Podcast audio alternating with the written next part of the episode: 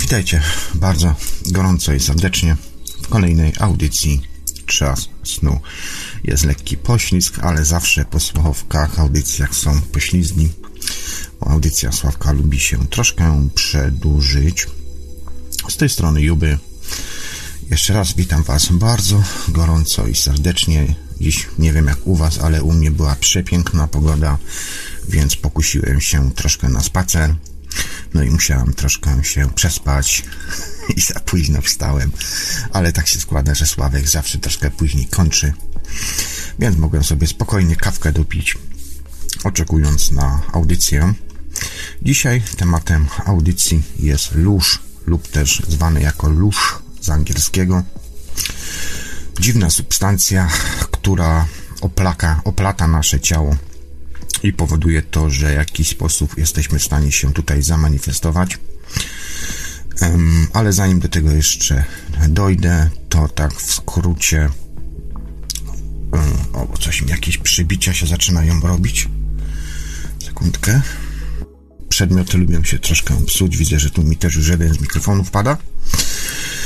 Zresztą widzicie, że co jakiś czas w moich audycjach się dziwne akcje dzieją. No niestety dzisiaj taki sprzęt mamy, że że po prostu się psuje parę lat, e, właściwie zaraz po gwarancji i już zaczynają się dziwne problemy. Także gdybyś coś się działo, to piszcie mi tutaj na czatach i oczywiście zapraszam do czynnego udziału, zadawania pytania. E, podkreślam oczywiście już na samym początku audycji, e, że mm, dla mnie osobiście temat luszu jest ciężkim tematem, od miesiąca czasu mi to po głowie chodziło. No bo właściwie nie wiedziałem za bardzo w jaki sposób mam to wam tutaj dzisiaj przedstawiać. Musiałem sobie to jakoś to w głowie poukładać. Generalnie nie ma ludzi, którzy by wiedzieli tak naprawdę czym jest luz. Są oczywiście teorie, ale tutaj jednym z głównych założycieli, to, y, znaczy założycieli y, osób, która mówiła o tym luszu był Monroe Coś tam pamiętam, że chyba Castaneda też coś wspominał, tylko że on to jakoś inaczej nazywał. No tak jak tutaj e, my wszyscy, którzy, którzy rozmawiamy o tych samych rzeczach, ale używamy innych y, pojęć, słów. Tak samo w tamtym przypadku było, więc skupiał będę się dzisiaj, będę się skupiał y, dzisiaj właśnie głównie na przekazach do Monroe, Chciałem tą audycję pociągnąć z Robertem Noblem, natomiast no Robert tam ma jakieś inne sprawy, więc nie za bardzo to wypaliło. No ale oczywiście nie ma, nie, ma, nie jestem tutaj absolutnie obrażony na Roberta ani nic, bo jasne, przecież yy, no każdy ma swoje prywatne życie i też rzezińska pora, więc yy, poświęcanie czasu o tak rzezińskiej porze, kiedy się prowadzi na przykład działalność swoją, czy musi się iść rano o pracy, nie jest dzisiaj łatwym, mm, łatwym tematem. Mm, no, także chciałbym, żebyście wiedzieli, że e, będę starał się opowiedzieć raczej to, co ja z doświadczeń, z obserwacji moich zauważyłem, oczywiście w późniejszej części audycji. Natomiast na początku co nieco Wam opowiem o tym luszu, jak do tego odnosił się Monroe, no a później na koniec jakieś swoje własne refleksje. Jeżeli będziecie chcieli y, zadzwonić do radia na żywo, ze mną podyskutować, bo ja też tu nie jestem żadnym ekspertem, a raczej obserwatorem i analizatorem, wyciągających swoje własne wnioski, jednym słowem mający swoje własne zdanie. Więc y, bardzo serdecznie Was zapraszam, ale dajcie mi informacje, bo na razie nie podpinam, bo no bo i tak mało kto dzwoni, to jest raz, chociaż zawsze podpinam, prawie, prawie zawsze podpinam ten telefon pod audycję, natomiast natomiast jako tako mm, nie włączam Skype'a z tego względu, że mnie to rozprasza, a właściwie i tak mało kto chce dzwonić, rozmawiać ze mną, z tego względu, że chyba, nie wiem, taka opinia na mój temat już widzę, yy, krąży, że do mnie nikt nie chce pisać, albo albo mało ludzi pisze, bo się boją, bo banuje. No, bądźmy rozsądni, zachowujmy się normalnie, na pewno banów nikt nie dostaje tak o, od po prostu tego, że wstałem sobie lewą nogą, czy coś tego typu. Na banaczce trzeba sobie tutaj zasłużyć. Jeszcze jedna sprawa. Jak już zauważyliście, audycje nie lecą na YouTubie z tego względu, że YouTube mocno mnie cenzuruje. Nawet nie mam właściwie możliwości streamowania na live'ie. Dostałem bana, właściwie oszczerzenie, pierwsze oszczerzenie i miało być to zablokowane na miesiąc, na, na tydzień czasu. Miesiąc czasu minął, dalej jest to nieodblokowane. Ja już się kiedyś z YouTube'em pałowałem, więc mi się nie chce tego po prostu robić. Przerzucać mailami do nich z wyjaśnieniami. Dlatego też powolutku wychodzę z YouTube'a. Będą audycje wrzucane na YouTube'a, ale tak troszkę z opóźnieniem. Natomiast, natomiast przynajmniej ja jako radio Dreamtime przechodzę na BitChute'a i, BitChute i tam właśnie są audycje. Powiem szczerze, że powoli oczywiście systematycznie uzupełniane, uzupełniane, natomiast powiem szczerze, że mi zaczyna przypadać, powiem nawet, że jest lepszy od YouTube'a, bo jest taki jakby lżejszy, bo jest jakby taki lżejszy, co prawda tam trzeba troszkę czekać później chyba nawet do, do, do 48 godzin zanim się, zanim się, zanim się to wszystko ładnie tam pięknie załaduje, ale, ale, ale, ale działa. Ale działa i przede wszystkim działa na sieci P2P, czyli peer-to-peer. -peer więc nie tak łatwo jest, będzie nas tutaj y, przyblokować. Jak już zauważyliście, jestem fanem elektroniki, y, muzyki elektronicznej oraz syntezatorów i taka też muzyka w moich audycjach już od jakiegoś dłuższego czasu leci.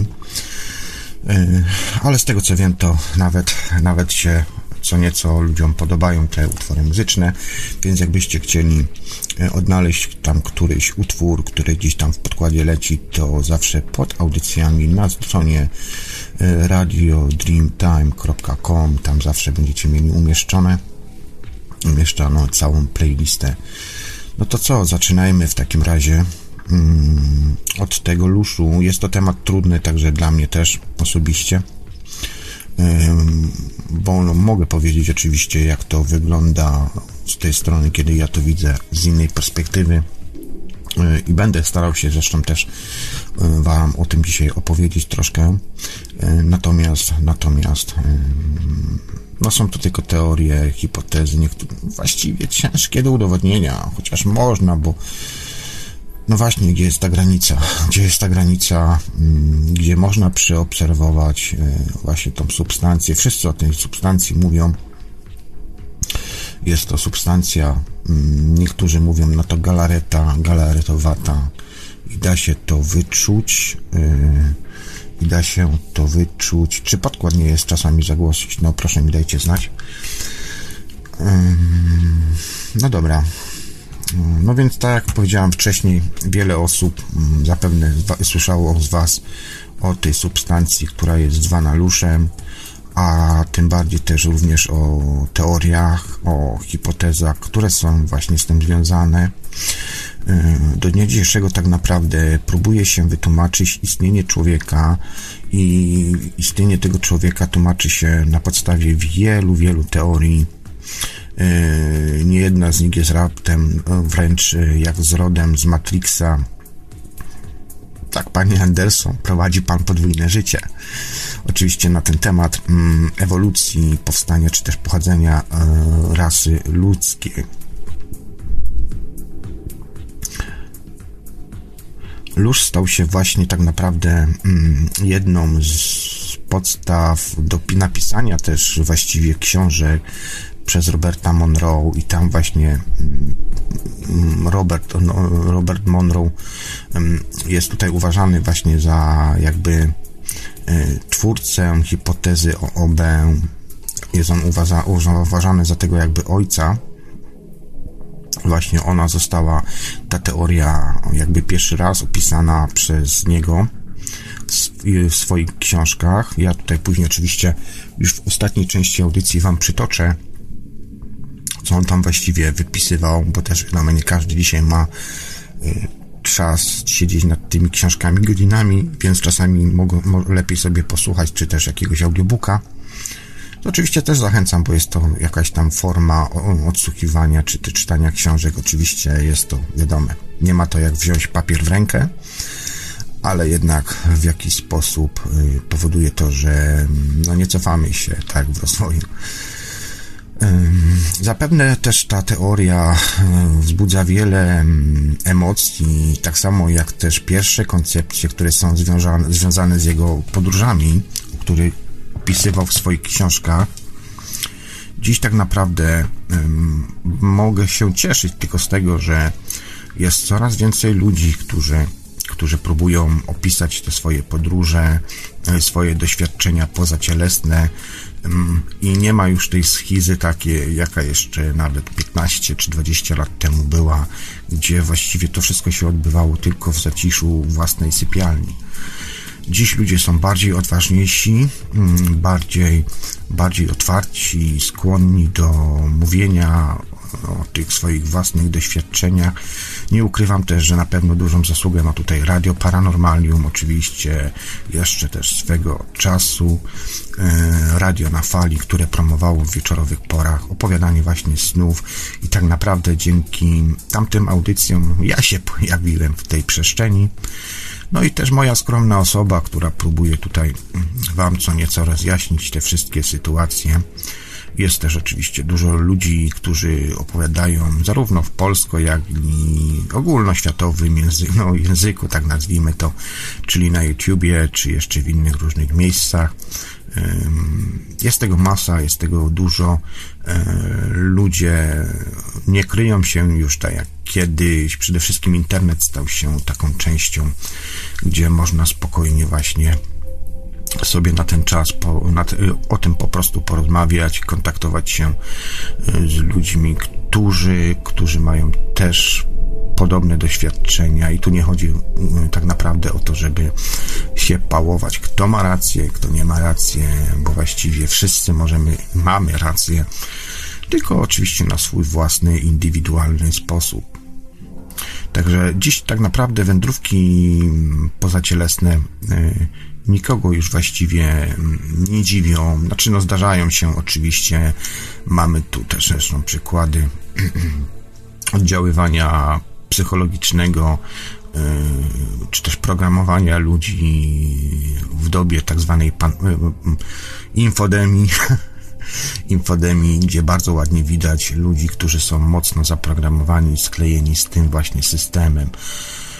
Substancja lóż jest właśnie taką jakby substancją, która powoduje naszą manifestację w tej rzeczywistości. O niej tutaj poopowiadam troszkę jeszcze więcej. Później w jaki sposób w ogóle... Zresztą ja kiedyś zrobiłem taką chyba audycję, Gdzieś opowiadałem o tym, e, w jaki sposób ta energia, energia właśnie, inteligentna energia łączy się z tą dziwną substancją. Nie wiem, czy to czasami nie było w audycji z dziewczynami, kiedy mm, mieliśmy rozmowę mm, ze świadomej nawigacji, czyli z Julią i Moniką. E, tam chyba wspominałem co nieco o tym. Także jakby co to odsyłam Was, oczywiście widzicie, że tutaj wszystko jest rozsiane w różnych miejscach. E, nie da się tak naprawdę skupić e, swojej uwagi na jednym głównym temacie. Musi być to skakane po prostu, bo mm, Mówiąc w łatwy, prosty sposób, nie da się tego tak naprawdę wszystkiego powiedzieć. Oczywiście, kiedy się siada już z osobą śniącą, mi dużo nie potrzeba, bo mi wystarczy dwa czy cztery zdania zadać pytania ja wiem, czy ta osoba rzeczywiście czegoś tam doświadcza, czy są to po prostu zwykłe halucynacje umysłu, tak to nazwijmy, na potrzeby y, teraz audycji. No ale wiecie, tak to jest, tak to wygląda. Parapsycholog, jakim był właśnie Monroe, twierdził, że historię oraz powód y, powstania naszej rasy ludzkiej usłyszał właśnie podczas swojej jednej z wypraw. I czym za tym jest ten lóż? Jest teorii kilka, więc w audycji będę przytaczał przynajmniej ze trzy. Lóż jest to hipotetyczna substancja, która ponoć jest produkowana przez każdą żywą istotę oraz roślinę znajdującą się tu na tej planecie na Ziemi lub tworzy się za sprawą ruchu wibracyjnego w systemie węglowo-tlenowym. Wibracje te odpowiadają za emocje. Czym intensywniejsze są, tym więcej substancji zostaje wyprodukowane przez właśnie każdą mm, żywą istotę. Najczystszą formą tego surowca jest odczuwanie i okazywanie miłości. Dodatkowo w chwili śmierci, kiedy organizm, śmierci organizmu, lóż opuszcza ciało i uwalnia się jednorazowo w ogromnych ilościach. No i to jest właśnie tutaj już to pojęcie mm, właśnie tego, czym ten lóż tak naprawdę jest, ale to też można jakby, znaczy można, to jest też no my mówimy cały czas o tym samym właściwie, bo, bo no bo luszem może być też dusza, tak? Bo to jest widoczne, to jest ta energia, e, energia, która się unosi z naszego ciała. To widać, to widać i to bardzo, u mnie się to bardzo często kształtuje, kumuluje w formie kuli, takiej złocistej kuli. O, coś takiego jak orb, ale wiadomo, możemy sobie tutaj naszą świadomością manewrować bo ona jest tak naprawdę tym kierowcą e, i możemy jakby też rozdzielać się, być pomiędzy jednym a drugim, a jednocześnie w, w środkowym balansie. Ja to zawsze tak, tak na to, tak, tak, tak staram się to rozumieć, to znaczy, że mm, skrzydła motyla muszą być w idealnym balansie, tak aby powstał ten środek i powstała ta manifestacja tego ciała fizycznego powiązanie oczywiście z tą całą energią, która nasze, nasze ciała ludzkie tutaj oplata i powoduje tworzenie się przy użyciu tych substancji z naszej e, mamy Ziemi, mamy Ziemi, e, no i powoduje to, że jesteśmy w stanie się tutaj zamanifestować. Troszkę, mm, troszkę tej teorii. Według tej teorii, o której właśnie wspominał Monroe, ten ktoś, czyli Bóg, wyższa jaźń lub jakaś tam niezidentyfikowana istota bądź istoty, znajdują się w innym wymiarze, w systemie planetarnym bądź też świecie i bardzo potrzebują oraz cenią sobie posiadanie jak najlepszej jakości luszu. Także mm, energia miłości jest najpotężniejszą energią miłości, przynajmniej dla mnie znaną, i tą energią staram się operować. Poddawać się temu procesowi prowadzenia przez tą wszechinteligentną energię, ale z drugiej strony też no trzeba też uważać, bo energia miłości y, energia miłości jest bardzo pożądana, więc nie ma co się tak naprawdę dziwić, y, tak naprawdę dziwić, y, że nie wiem, jesteśmy atakowani w poza i tak dalej. To trzeba też zwrócić tutaj tą uwagę, że energia właśnie tego luszu, ten lusz cały. Mm, kurczę, jak to. Generalnie chodzi o to, że wszystkie w przestrzeni, w przestrzeni niefizycznej, wszyscy jesteśmy świadomości, jesteśmy mm, istotami bez ciała, jesteśmy myślą oplątaną, połączoną mm, i zlepioną z wielu części, które w jakiś sposób funkcjonują po tej drugiej stronie. Nikt nie wie jak i wam nie, nie dajcie się nigdy wkręcić, że wam będą mówić, um, że jest tak, tak i tak. W Samadhi jest tak właśnie, że w Samadhi jest właśnie tak, że, że ono to bardzo ładnie opisuje, że moment, kiedy uświadamiamy sobie, że już coś wiemy, to tak naprawdę nic nie wiemy to jest właśnie nasze zagubienie i zatracenie, więc nie dawajcie sobie wkręcić to, że, że ktoś wam powie, że jest tak, tak, tak i tak i, i tak dalej. Ja też wam nigdy tego nie powiem, ja wam tylko przedstawiam moje jakby spostrzeżenia, moje jakby spostrzeżenia, które wyciągam z moich doświadczeń, gdzieś tam doświadczających w poza, gdzie doświadczam tych wszystkich rzeczy. Natomiast, y, natomiast, mm, no mam swoje wnioski, analizy, tak, które próbuję w jakiś sposób tutaj to wszystko oploć, więc ta energia, tą energią tak naprawdę my się poruszamy, poruszamy w poza, my jesteśmy częścią tak naprawdę tej energii całej i moment naszej manifestacji, to właśnie widać, bardzo często mamy zresztą też w swoich snach coś takiego, że jesteśmy na przykład właśnie otoczeni jakimś wirem, jakąś zasłoną dymną, jakimiś, nie wiem, chmurami, gdzie z tych chmur nagle wychodzą istoty i tak dalej. To jest właśnie ten element przejściowy. Ja pamiętam też eksperymenty w Londynie, kiedy robiliśmy i właśnie na tej płachcie śnienia też właśnie pojawił mi się taki ekran i na tym ekranie pojawiała się, pojawiały właściwie, właściwie dwie tam istoty były i to były istoty, które właśnie manifestowały się, pochodziły z czystej energii, a ta płakta, ten ekran był jakby tylko mm, elementem niezbędnym, potrzebnym do zagęszczenia tej energii, czyli przejścia pomiędzy wyższym stanem a niższym, tak aby było to zauważalne i widoczne. O, tak bym to określił naszym zarówno no, raczej, raczej nie fizycznym okiem niż fizycznym, no bo jesteśmy już jakby w transie i w hipnozie, więc w tym momencie widzimy, postrzegamy już naszym trzecim okiem. I tutaj jest to uwarunkowane też oczywiście tym, że e, kwestia naszego doświadczenia, naszego wypracowania się jest bardzo ciężko, bardzo ciężko, mm, bardzo ciężko utrzymać tam tą całą równowagę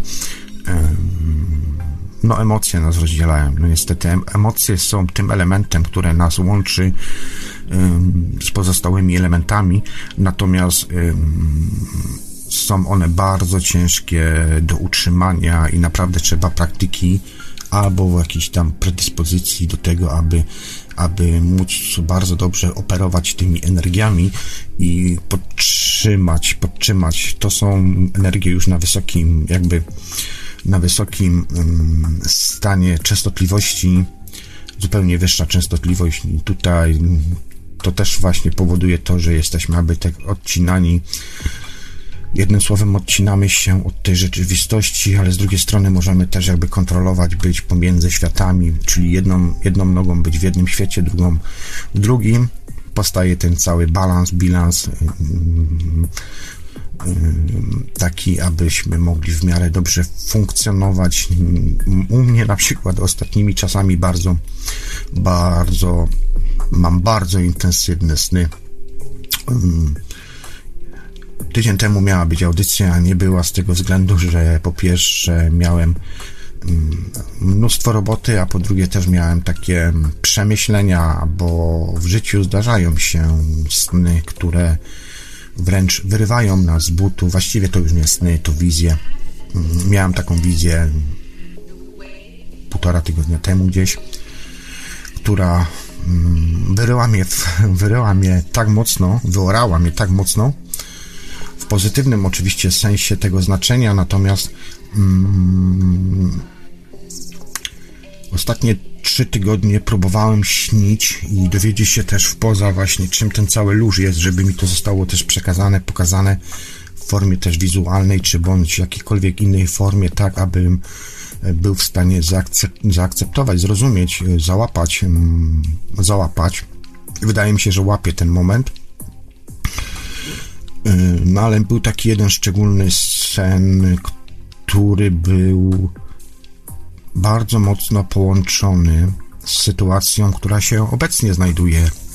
Tak, jeszcze raz przepraszam, musiałem sobie odkasznąć i tak przy okazji zauważyłem, że mi chyba serwer zaatakowali, więc na radiu Dreamtime audycja nie leci. Nie będę już teraz kombinował w trakcie audycji. Problemy mi się już tam zaczęły z serwerem przed audycją, także tam chłopaki ostro działają. No, widocznie za dużo mówię, skoro też YouTube nie chce mi odblokować. Ciągle mi jakieś tam pierdoły wysyłają. Dobra, wróćmy do tego, do tego snu, tak? No więc ten sen był jakiś taki połączony właśnie z tą sytuacją, którą mamy obecnie. No, póki ludzie się nie obudzą, to czeka nas chyba coś nieciekawego. Mm, widziałem ludzi, którzy walczyli zbrojnie. Yy, także teraz wam troszkę opowiem ten sen może. E, generalnie chodziło o to, że mm, ludzie zostawili, zosta, zostawieni zostali jakby przed ścianą.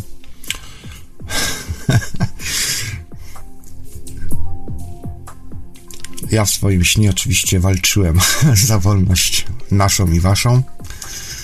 E, miałem tam sennych przyjaciół, mieliśmy technologię.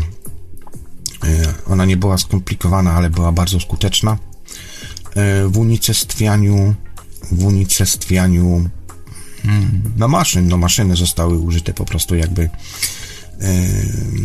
do zapanowania nad światem, tak to powiem w skrócie. Ten sen mi się ciągnął przez chyba dwa dni, z tego co pamiętam. E, sen wizja. Także śniłem, następnego dnia była kontynuacja tego. Zdarzają mi się takie sny czasami, że jest kilka wątków jednego snu, później to się oczywiście wszystko składa jakby jedną większą logikę.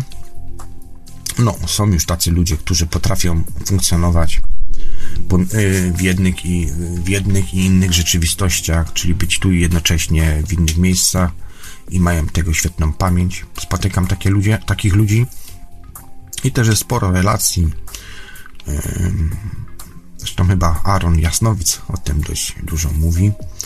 Tu są oczywiście mm, oczywiście różne zdania na temat tej osoby. Ja tam staram się nikogo nigdy nie oceniać. Jeżeli nie muszę, bo wiem, że mnie później też będą oceniać, a po co mi to potrzebne? Sam się ocenię. Więc, mm, więc tak to wygląda. Poczekajcie, sprawdzę sobie, czy. No niby łączy, niby łączy z paranormalią, więc chyba nie zrywało. Eee.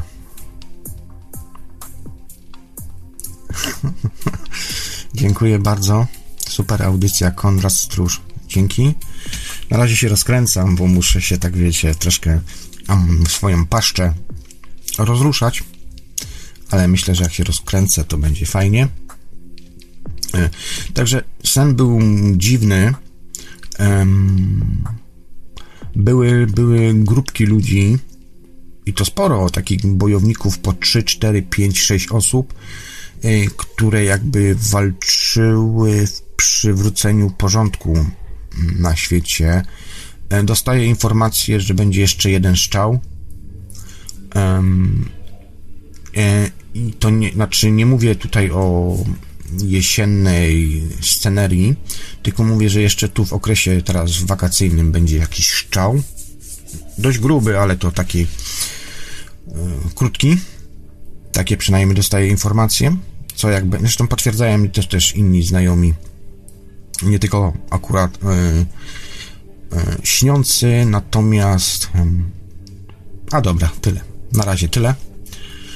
Także może coś być ciekawego, także mm, ja troszkę się dziwię ludziom, którzy są zdziwieni, że jest pandemia. tak naprawdę, bo przecież od tylu lat się o tym gada. A ludzie teraz piszą, że są nie idę, a ludzie teraz piszą, że nie są przygotowani, że to tak szybko się nagle stało. No i jeszcze jedna sprawa. Nie wiem jak, bo nie oglądam telewizji, więc pewnie, pewnie gafę teraz szczelę. Chociaż gdzieś tam widziałem kiedyś, że przedstawiali te wszystkie zwłoki palonych ludzi, ale wszyscy się skupiałem na tej ilości ofiar tego wszystkiego i tak dalej ale jakoś nie widać, żeby tak masowo palili te groby czy coś na tych ciał. Jakoś tak nie widać za bardzo, żeby no nie wiem, chyba że ja się mylę. Od 15 lat nie oglądam telewizji, a jedynie co znajdę gdzieś tam na YouTubie, czy gdzieś tam na internecie. Być może, być może, być może macie takie, być może są takie obrazy w telewizji, ja niestety nie oglądam, więc nie jestem tego w stanie twierdzić, ale to mnie zastanawia, że wszyscy podają te dane, wyniki, wszystko i tak dalej, a nagle się okazuje, że no dobra, no ale gdzie są te wszystkie ciała, które rzekomo są palone, Nikt o tym nic nie mówi, nic w gazetach nie widuje tutaj. Ja staram się tak, może nie czytać, ale tak na szybkiego przeglądnąć, bo. ale, ale tak na szybkiego, ale tak na szybkiego, tak na szybkiego przeglądam jakoś nie za bardzo widzę. Jeszcze jedna sprawa. E, też mam tutaj znajomą w szpitalu u mnie pod Londynem, y, więc y, nie dziwcie się, że są takie ilości podanych danych y, no, dokładnie, bańka medialna. E, że są takie ilości danych podanych śmiertelnych z tego względu, że na przykład w Wielkiej Brytanii wręcz jest nakaz rządowy, taki cichy nakaz oczywiście e, od rządu dla szpitali, dla dyrektorów. Mm, lekarze nie mogą o tym mówić, bo mm, są zmuszani do tego, żeby nie mówić. E, natomiast jest tak, że no, szpitale po prostu dostają większą kasę za pacjenta, który zmarł, a którego wpisało się jako koronawirus. więc y, nic dziwnego, że wszystkich wpisują, nieważne na co byś umarł, to wpisują właśnie na koronę. No z tego względu, że mają z tego granty. Z tego względu, że mają y, z tego y, granty i dlatego bardzo chętnie wpisują wszystkich. Natomiast wszyscy wiedzą, że to jest tutaj ściema. Nie mówię o wirusie, mówię o pandemii. Fajnie dzisiaj, bo byłem na klifach, więc widziałem już, że naprawdę się bardzo ciekawie robi. Ludzi mnóstwo, co parę metrów. Gdzieś tam sobie na trawce siedzą, więc nie ma tutaj problemu. Zdarzają się jeszcze mm, maskowcy. No ale ludzie się sami przecież opętują i nakładają na siebie kajdany, więc skoro chcą chodzić w takich maskach, to nie widzę problemu. No dobra, to nie przedłużajmy tego wszystkiego. Lećmy dalej, bo zaczęliśmy od tego całego Monroe'a. Oczywiście ja się tu wkręciłem. Czyli według tej teorii, którą przedstawia Monroe, ktoś, czyli ta, ten Bóg, ta wyższa jaźń lub też niezidentyfikowane istoty znajdujące się w innym wymiarze, systemie planetarnym bądź też innym świecie niefizycznej e, rzeczywistości bardzo potrzebują oraz ceną sobie substancję no, znaczy inaczej, bardzo sobie, bardzo potrzebują oraz cenią sobie posiadanie właśnie takiej jak najlepszej jakości tego luszu. Powiem szczerze, że w swoich snach widywałem takie rzeczy jak hmm, wyglądało to dosłownie jak odkurzacze takie hmm, z szerokimi otworami e, no dosłownie jak ta łopatka, co się odkurza od odkurzacza, ta dolna część, co do dywana. Dywanem się jeździ. Tylko takie wielkie i wciągające właśnie odróżnik istot e, na tą całą substancję. Także widywałem takie rzeczy. E, no w poza jest przede wszystkim to ułatwione, bo, bo widać, tak, bo zarówno po momencie wibracji, jak też jeżeli ktoś ma dość dobrze wypracowaną percepcję widzenia energii, e, to jest w stanie widzieć ubytki, zablokowane kanały nawet y, u innej istoty w tym postrzeganiu pozazmysłowym. Oczywiście na początku wykorzystywano też substancje naturalnego pochodzenia, jednak z czasem ilość jej, jej malała, a jakość osłabiała, osłabiona była. Dlatego też z biegiem czasu ten ktoś y, zdecydował się produkować go sztucznie. W trakcie trwania produkcji zdecydowano się na szereg eksperymentów, które mogłoby zwiększyć wydajność oraz ilość tej substancji. Do tego celu powstały tak zwane ogrody. I jednym z takich właśnie ogrodów stała się Ziemia, na której żyjemy my tu i teraz, a więc my jako ludzie, którzy produkują jak najlepszej klasy jakości ten lóż ogrody oraz plantacje.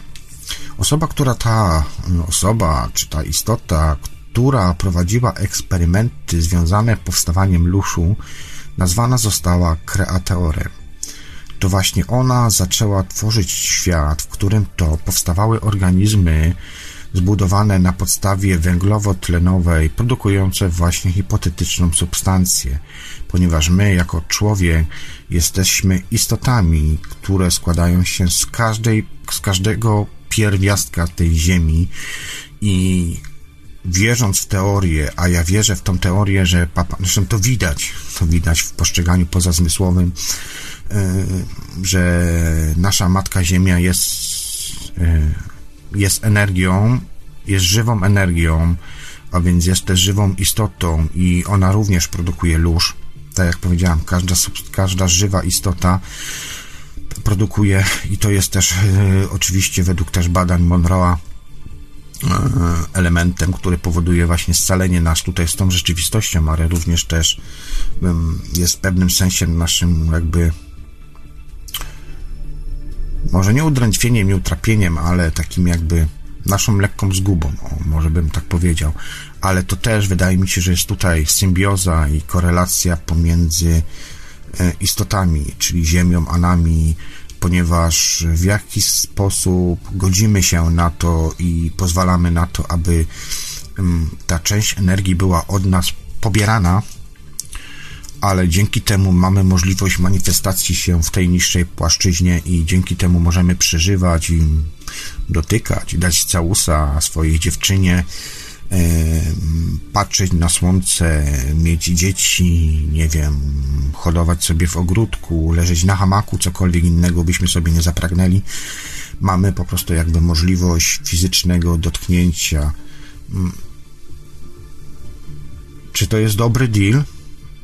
Ja myślę, że, nie, że powinien sobie tutaj każdy sam odpowiedzieć, bo to każdy gdzieś tam na płaszczyźnie nieświadomej musiał gdzieś wcześniej mm, wcześniej wyrazić taką jakby mm, zgodę, natomiast uważam, że że chyba dobra jest to, bo mimo wszystko to jest też kolejna suma doświadczeń, która warunkowuje nas później już w naszej indywidualnej ścieżce duchowej, naszego indywidualnego rozwoju świadomości, duszy, i cokolwiek byśmy sobie tam nie zapragnęli. Natomiast chodzi generalnie o to, że mm, właśnie problem jest taki w poza, że hmm, jesteśmy w stanie wszystko sobie wyobrazić, stworzyć, wykreować swoje własne światy, bądź też wejść te światy, które istnieją po drugiej stronie, ale jesteśmy w stanie też jakby e, jesteśmy w stanie, nie wiem jak to określić, hmm, e, po prostu powoduje to, że mm, nasze ograniczenia, nasze ograniczenia są też w pewnym sensie naszą taką jakby blokadą, blokadą, bo z jednej strony wnosimy jakoś tam do naszej wspólnej platformy doświadczeń, tak, te wszystkie rzeczy i też w jakiś sposób wpływamy na cały system, na cały system funkcjonowania, ale z drugiej strony też yy, to jest takie błędne koło zamknięte w sumie które powoduje, że cały czas jesteśmy jakby w tym kręgu, tym chomikiem, który biega sobie w tym kołowrotku. Natomiast tutaj jeszcze wrócę do tej teorii kreatora. Była kiedyś taka teoria, znaczy jest dalej taka teoria, że mm, te pierwsze istoty, które właśnie tutaj schodziły, o nich troszkę opowiem później, bo one są nazywane zarówno jako aniołowie, jako demony i inne rzeczy, jeszcze inne byty, no kwestia religii więc kolejnych pojęć. Natomiast y, generalnie było tak, że to właśnie te istoty, y, jedne z tych pierwszych istot, które zaczęły się pojawiać, były właśnie tymi istotami, które które jakby mm, miały ten priorytet kreacji, tak, czyli, czyli miały te umiejętności, zdolności jeszcze na tym czystym kanale, one były jakby takim najbardziej czystszym. To, co wcześniej Wam powiedziałem y, odnośnie tych eksperymentów, kiedy to ten lóż powstawał najlepszej klasy jakości. To były takie właśnie istoty, które były kreatorami, były to istoty, które były bardzo silne energetycznie, y, bardzo czyste przede wszystkim, bezpośrednio od źródła. One się też później jakby mm, jakby zanieczyściły też, ale niektóre oczywiście powróciły do macierzy i jakby z tej innej strony jeszcze wspierają nas, bo podjęły inne, a inne decyzje od tych, które postanowiły, że jednak tu bardziej się zagłębią, zagęszczą w tą przestrzeń. Y, I za chwilkę Wam opowiem o tej plantacji. Widzę, że już się chyba jakieś trole pojawiły na czacie. No dobra, ale kontynuujmy dalej, bo niedługo będzie godzinka audycji, ja właściwie mało powiedziałem o tym luszu. No więc przejdźmy może do tych plantacji, o których mówiłem wcześniej. Ta osoba, która prowadziła ten eksperyment, e, jak wspomniałem wcześniej, została ona mm, nazwana kreatorem. E, o kreatorach myślę, że też zrobię audycję osobną. Ja sobie nawet zapiszę, bo to jest też dość ciekawy temat. Kreatorzy to by było też dobre. Pierwsza plantacja ograniczała się tylko do organizmów roślinnych y, jednokomórkowych, bytujących w środowisku wodnym. Niestety wytwarzany przez nich lóż był miernej jakości, było go niewiele, ponieważ uwalniał się tylko w chwili śmierci istot. Druga plantacja tej hodowli y, była plantacją, w której wprowadzano zmiany oraz rośliny, które zostały dostosowane do życia w środowisku gazowo-lądowym. Mimo iż produkowały one mm, większą ilość tego luszu, to jednak w dalszym ciągu dawka ta nie była wystarczająca, aby zaspokajać potrzeby świata kreatora. W trzeciej plantacji były y, rośliny, które, w które y, y, Tutaj do tych roślin dodatkowo wprowadzono nowe istoty mobilne. Były one w stanie jakby wytwarzać ogromne ilości tej substancji. Co więcej, żywiły się roślinami, które w chwili śmierci umiera, um, uwalniały ten cały lóż. Mimo zadowalających jednak efektów produkcji, istoty te zostały zniszczone. Były one za bardzo długowieczne i spustoszały zbyt szybko zielone rośliny. W czwartej generacji, w czwartej plantacji dzięki y, doświadczeniom, które zdobył kreator, y, zdecydował się o stworzyć jakby tą właśnie czwartą mm, hodowlę. Wyprodukowana została wtedy nowa generacja istot oraz roślin.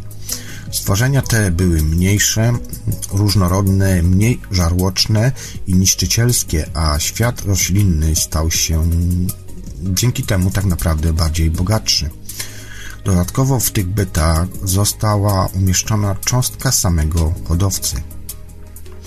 Wprowadzono w niej również zamknięty obiekt energii i materii.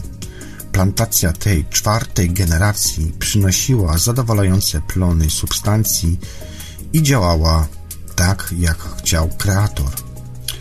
Hostowla stała się zatem niezawodna, nie było więc potrzeby wprowadzania e, już jakichkolwiek zmian. Jednak kreator po dłuższych obserwacjach mm, zauważył, że istoty z tej właśnie czwartej, ostatniej generacji, tak zwanej czwartej plantacji, wytwarzają substancje o dużo lepszej jakości. Okazało się, że jest to związane z, z niezaspokojeniem potrzeb i tworzącymi się emocjami, jakie towarzyszyły tym właśnie bytom.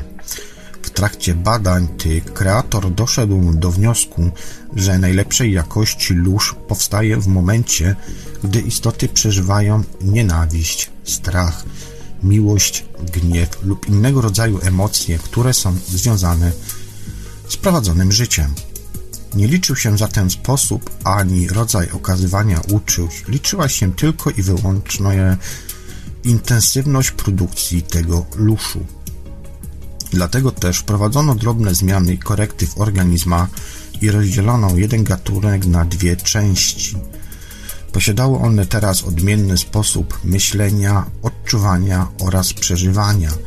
Dzięki też temu kreator zwiększył swój stopień zwiększył te, dzięki te, temu zabiegowi kreator doprowadził do momentu y, zwiększenia stopnia samotności, mamy to teraz, miłości, gniewu oraz wielu, wielu innych emocji. No dobra. Y, dlaczego powstało zło i dobro? A więc zło i dobro powstało właśnie po to, aby mogło się uzupełniać wzajemnie. Dlatego też kreator powołał takie jakby istoty, które miały być nadzorca, nadzorcami tego całego systemu y, i powołał, powołał, powołał te istoty. Oczywiście niektórzy mogą tutaj mówić o aniołach, czy też demonach, lub też inaczej sobie je nazywać, na przykład hmm, jako, ja mówię na to kontrolerzy, bo są takie istoty spotykane na różnych poziomach, poziomach pojawiają się istoty, które pilnują i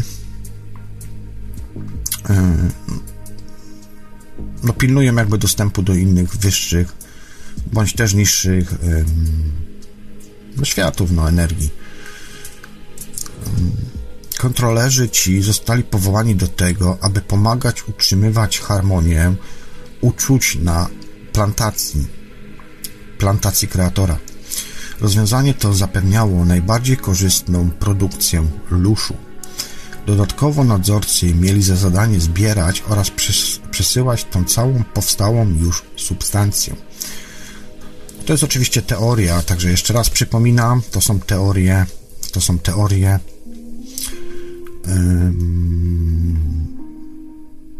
to są teorie zaczerpnięte z internetu, opisywane przez wielu, wiele, wiele, wiele osób oraz też jakieś tam moje spostrzeżenia.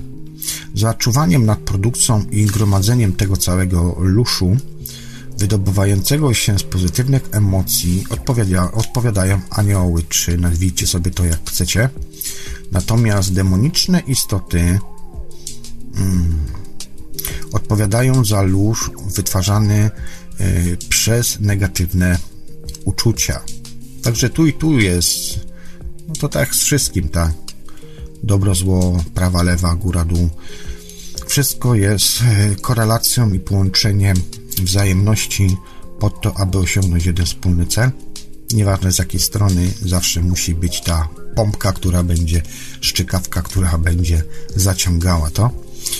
Domniemania związane z tą teorią luszu być może niekiedy kiedyś tam w przyszłości przestaną wzbudzać emocje oraz zadziwiać, natomiast też nie jest zbyt dużo optymistyczne tłumaczenie sensu istnienia istot na planecie, bowiem dowiedziono, że koncepcja ta jest zlepkiem wielu teorii, tak zwanych New Age'owskich teorii, zaczerpniętych właśnie z różnych nauk oraz religii, które y, mówią o powstaniu życia, mm, powstaniu życia na naszej planecie.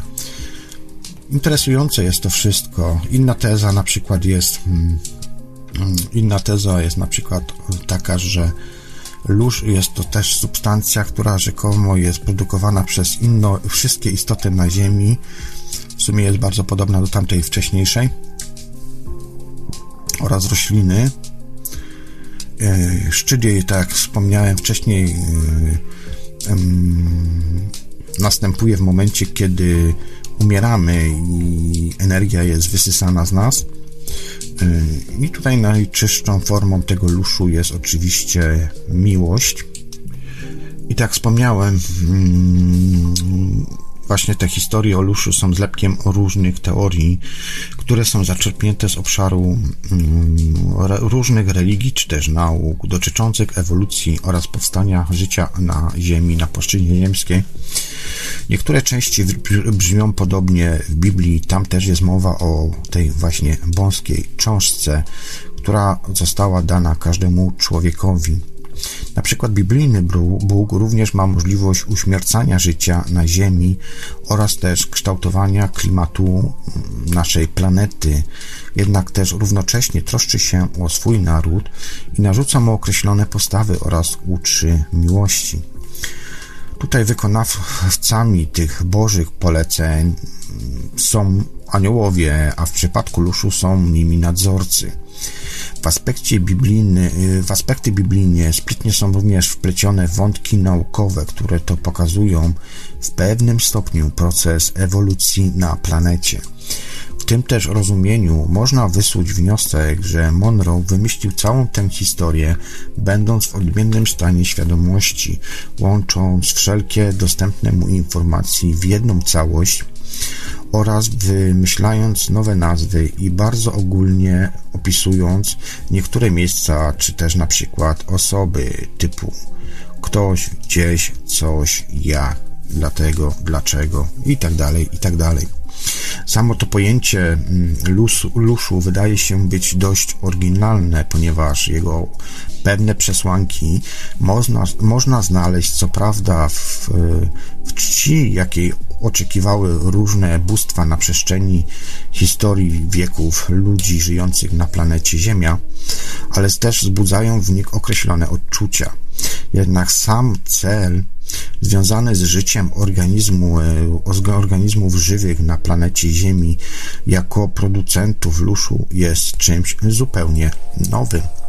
Jednak też mm, z drugiej strony Fakt połączenia, powiązania teorii luszu z religią oraz z nauką może nam sugerować, że jej autor, czyli Monroe, w rzeczywistości odsłonił część prawdy. W końcu nawet legendy zawierają jakąś część autentyczności. Każda legenda ma, jest takie przysłowie, ma w sobie ziarnko prawdy. Pod tym względem teoria Luszu dałaby odpowiedzi na niektóre pytania typu Czemu dobry Bóg pozwala na tak liczne cierpienia i niecierpliwość, jaka dzieje się na przykład na świecie? Pytań tych może być naprawdę wiele i dużo. I zawsze będziemy mieli pytania oraz wątpliwości. Tu na czacie jakaś bulwersowana osoba jest, że jakie trole. No nie, ja powiedziałem po prostu trole, bo widzę, że tutaj Ivelios zadziałał, więc przypuszczam, że coś tam było nie tak i z tego względu nazwałem trole. Jak cię obraziłem, to przepraszam, nie o to mi chodziło, żeby ciebie nazywać akurat nie e, Marcin P. jako trola. Chodziło mi bardziej o sytuację, która się tutaj zadziała jakaś na czacie. Początkowo syntetyczny lóż powstawał właśnie jedynie w chwili śmierci organizmów węglowotlenowych. Dlatego też podstawą jego wytwarzania był łańcuch pokarmowy – lub był zatem czerpany w chwili spożywania e, e, spożywania, czyli też e, na przykład w chwili śmierci jednego z przedstawicieli hodowli.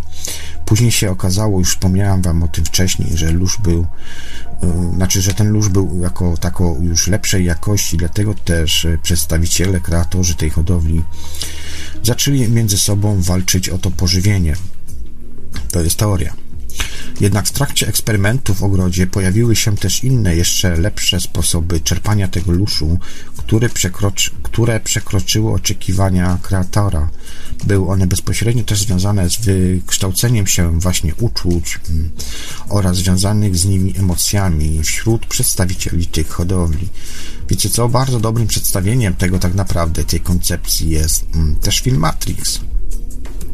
On tam też właśnie pokazuje w pewien sposób, w pewien sposób, oczywiście w... koncepcja jest dobra, powiem Wam szczerze, bo nawet też ostatnimi czasami miałem pewną ciekawą wizję.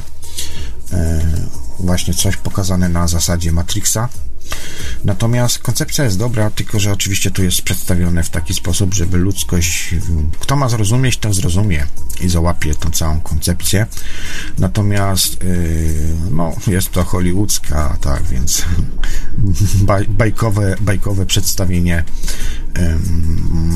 przedstawienie y, życia ludzkości, planety, planety naszej, natomiast, natomiast y, film Matrix ma dużo, dużo, dużo elementów prawdy, mówi tak naprawdę, pokazuje nam, jest to już stara koncepcja, natomiast też oczywiście polecam tutaj film. Avatar, jest też bardzo dobry, wydaje mi się, że nawet Avatar jest dużo lepszy, więcej, więcej prawdy tam jest, o, tak bym to powiedział.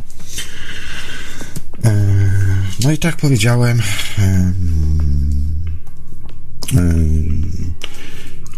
o tych przedstawicielach tych hodowli powiedziałem Wam przed chwileczką.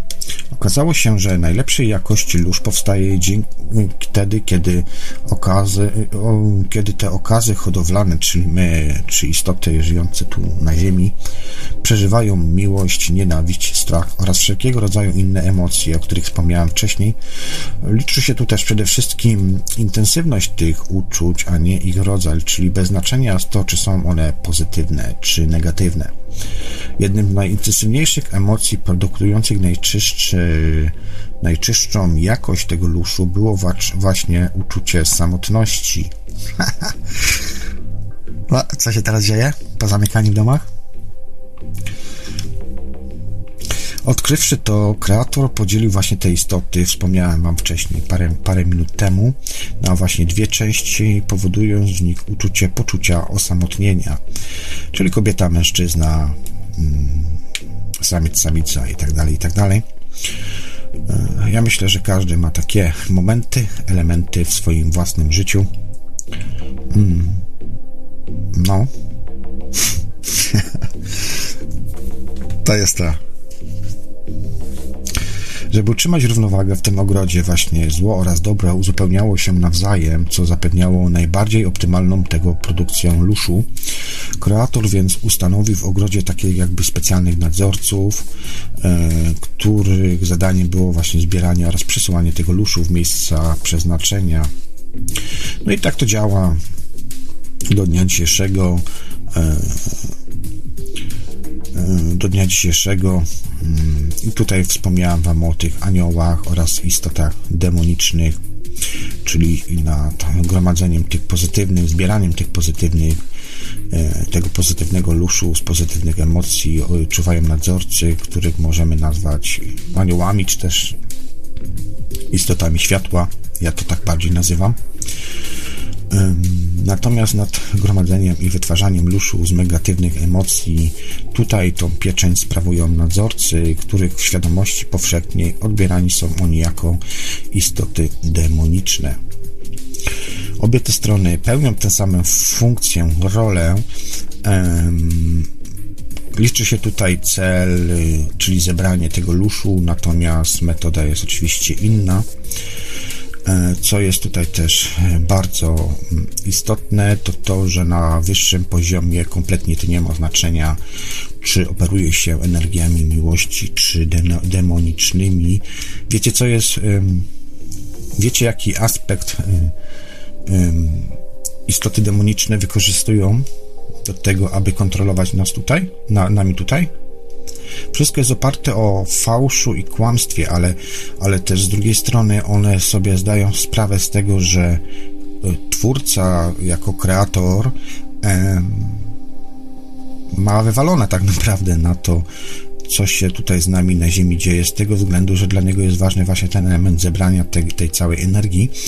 Natomiast mają świadomość tego, że e, nie przejmują się tak naprawdę jednostkowo. Chodzi o to, że e, zdają sobie sprawę i wiedzą, że mogą sobie działać, krzywdzić e, e, istoty inne z niższego poziomu, z tego względu, że wiedzą, że tak czy inaczej kreator im wybaczy, więc oni na tej płaszczyźnie jakby operują.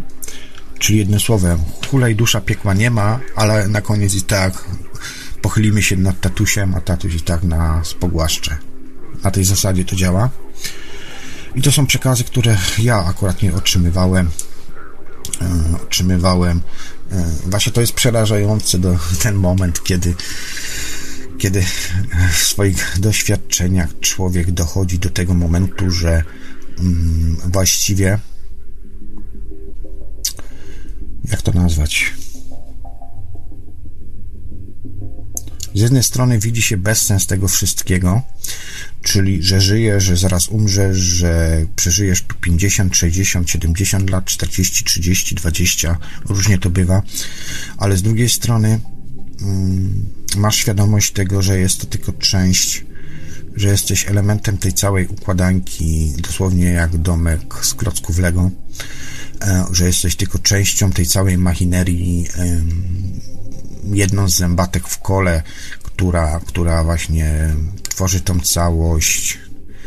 Ostatnio miałem takie właśnie przemyślenia, kiedy sobie siedziałem e, u siebie na klifach, na ławeczce i tak sobie się zastanawiałem i patrzyłem, tak próbowałem jakby e, z szerszej perspektywy popatrzeć na to wszystko. E, ja to kiedyś słyszałem gdzieś, chyba bodajże to Jarek Bzoma chyba o tym też wspominał i chyba też, nie wiem, czy czasami nie mówił o tym właśnie e, Cugier, Darek Cugier, właśnie, że w pewnym momencie można, można dojść do takiego jakby wniosku, że tutaj tak naprawdę nic nie ma sensu. Ale ja myślę, że to raczej nie chodzi o to, bo tutaj jest ważniejsza jeszcze jakby akceptacja i yy, pojęcie, zrozumienie, a przede wszystkim poddanie się tym wszystkim procesom, yy, te procesy, tym procesom, które zachodzą, które powodują, że w jakiś sposób my się indywidualnie już oddzielamy, tak, być może też w planach wszech energii jesteśmy, będziemy może też kolejnymi kreatorami kreatorami, bo przecież też awansować na wyższy poziom można. Chyba cały czas o to chodzi, żeby jak najbliżej tego źródła być najczystszej energii, więc tak czy inaczej y, to jest taki jakby element napędzający też i motywujący nas jako świadomość, y, kiedyś się zostawia całkowicie tą powłokę ziemską, właściwie ciało jest tutaj nam zupełnie obojętne, możemy wracać, a wcale nie musimy, tak naprawdę tak, tak, takie przynajmniej są uczucia, kiedy porusza się świadomością po światach zarówno swoich wewnętrznych czy zewnętrznych, bo też w swoich własnych bąblach iluzji. Więc tak to, tak to wygląda i, i, i można popaść w doły, naprawdę można popaść w doły, jeżeli się nie jest odpowiednio przygotowany, e, zmotywowany i przede wszystkim kiedy się nie widzi tego cało, tej całości, tego całego mm, oglądu współdziałania, współtworzenia, brania udziału w jednym wielkim przedstawieniu. Oczywiście w każdym ma tutaj swój własny indywidualny też film, czy też klatkę, którą sobie może tam y, przeglądnąć, oglądnąć, cofnąć do tyłu, do przodu, przeszłość, przyszłość i tak dalej, i tak. Ale z drugiej strony też jesteśmy właśnie jakby elementem łączącym pozostałe istoty są na różnym poziomie, tak naprawdę my też jako ludzie tutaj, mm, jako ludzie, jako istoty świetliste, w pewnym sensie, bo każdy z nas generatorem, e, mamy tą świadomość, możliwość większą lub mniejszą. Wiele procesów przecież odbywa się bez naszej absolutnie świadomości, nawet nie zdajemy sobie sprawy. Eksperyment prosty nie musimy myśleć o to, żeby poruszyć na przykład małym palcem, a robimy to i dzieje się to w ułamku sekundy. Ile to milionów procesów informacji musi przez nasz system nerwowy przejść, a jeszcze wcześniej zostać przeanalizowany w naszym umyśle i my o tych tak naprawdę rzeczach nie myślimy, a, a to się dzieje.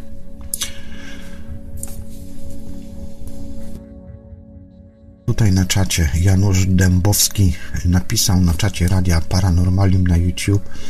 To znaczy, że ten wielki kreator, który zwie się miłością, mordowałby swoje dzieci, które stworzył, czy da się z tym pogodzić?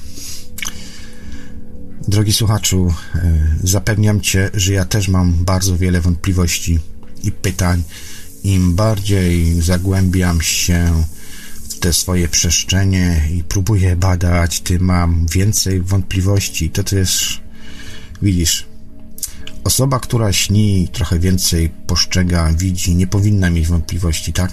Ale z drugiej strony, e, ale z drugiej strony to, co widzisz i doświadczasz, powoduje to, że widzisz właśnie widzisz właśnie ten jakby ten bezsens tego, tego, tego wszystkiego, ale ja, tak jak wspomniałem wcześniej, chodzi tu tak naprawdę o to, żebyś po prostu zaakceptował, są pewne rzeczy i procesy, nad którymi, no, które muszą się stać, które muszą się odbyć, tak jak wspomniałem wcześniej, choćby o tym poruszeniu palcem u, małej, u, ma, u stopy, małym palcem u małej u stopy, gdzie nie musimy na to zwracać uwagi, a jednak ten proces musi się odbyć tak, abyś tym palcem poruszył. I tak samo tutaj kiedy weźmiesz y, szersze perspektywy i spróbujesz zobaczyć jakby y, na wszystkie elementy z punktu widzenia całości,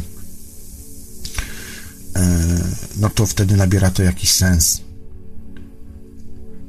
Ja wiem, że to jest trudne, bo ja też z tym mam problemy. No, jesteśmy tak zaprogramowani, przyzwyczajeni do tych wszystkich swoich nawyków,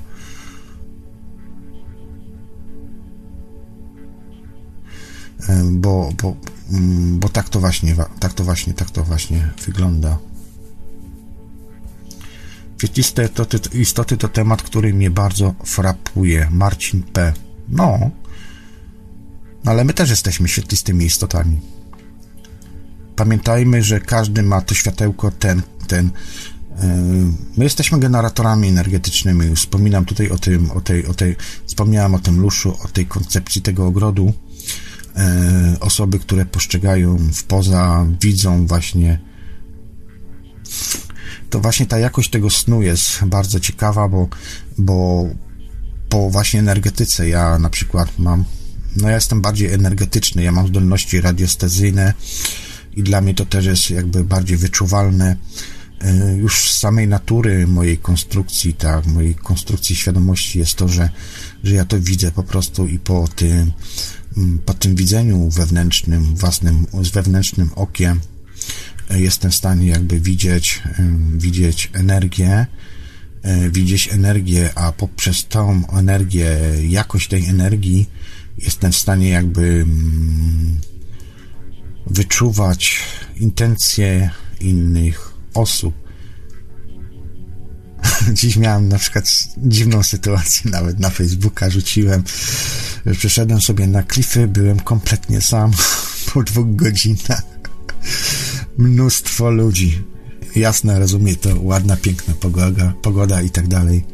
Tylko, że w pewnym momencie, jak słuchałem sobie muzyczki, i tak sobie kompletowałem, układałem sobie jeszcze plan, scenerię mojej tej dzisiejszej audycji. Zacząłem się rozglądać i nagle się okazało, że wokół mnie same kobiety. I to było dziwne. No, w tym wieku. Także te obie koncepcje o tych aniołach i demonach pełniły, pełnią tę samą rolę i wspomniałem wam o tym. I tak naprawdę one nie różnią się między sobą. Chodzi tutaj o zabranie tego luszu a jaka to będzie strona, czy dobra, czy zła, to dla kreatora jest to zupełnie już bez znaczenia. Dla nich wszystkich jesteśmy tak naprawdę tylko i wyłącznie okazami w hodowli produkującym właśnie potrzebny im lóż. Hmm. Yy, nikim mniej też, ani nikim więcej. Utrzymanie świata w ciągłym konflikcie, katastrofy naturalne i temu podobne rzeczy są właśnie sterowane odgórnie przez nadzorców, kontrolerów. Są również z tej płaszczyzny oczywiście ziemskiej, są również z góry one zaplanowane. Wojny, kataklizmy czy też właśnie epidemie, pandemie są określane mianem wielkich żniw, podczas których produkcja luszu jest największa, a sam lusz w ten sposób pozyskiwany ma najlepszą jakość. Swego czasu stworzyliśmy taką akcję jak koronka iluzji, przepraszam, koronka miłości, gdzie ludzie rozpoczęli wspólne medytacje, sam brałem w tym udział i wspominałem nawet chyba u Sławka w audycji, właśnie mu zadawałem pytanie, czy widział, widział co się w ogóle dzieje w poza, było tam ogromne nasycenie energii, było to widoczne bardzo mocno. Ziemia była wręcz otoczona jakby taką właśnie, no dosłownie, jak, jak, jak wirus pod mikroskopem, taką jakby mm, ścianką mgły takiej e, otaczającej Ziemię. No i nad Ziemią, przynajmniej w moich wizjach było mi to pokazane, pewna istota, taka mglista, która zbierała tą energię.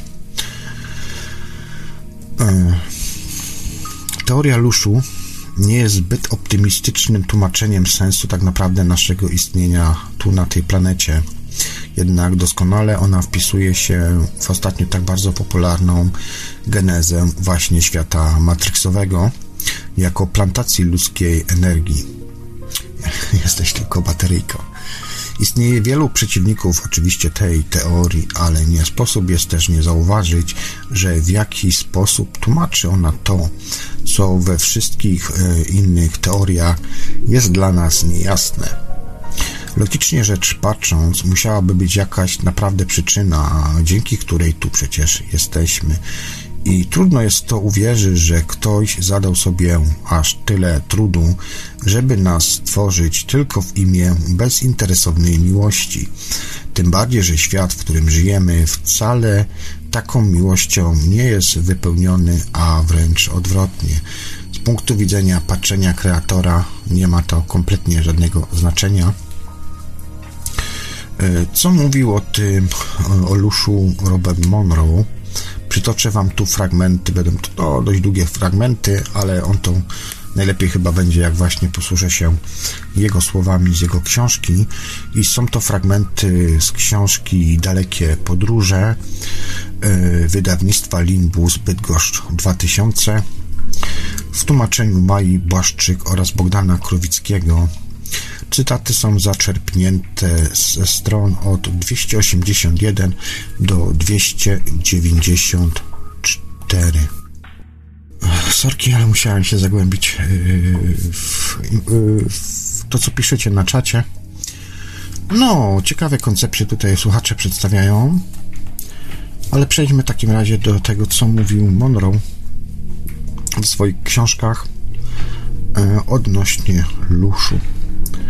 Ktoś gdzieś, a może jedno i drugie, potrzebuje, lubi, chce, ceni, zbiera, jada lub zażywa jako narkotyk milionowych bądź niezliczonych dawkach substancję o idencie lusz a więc elektryczność, ropa naftowa, tlen, złoto, pszenica, woda, stare monety, uran.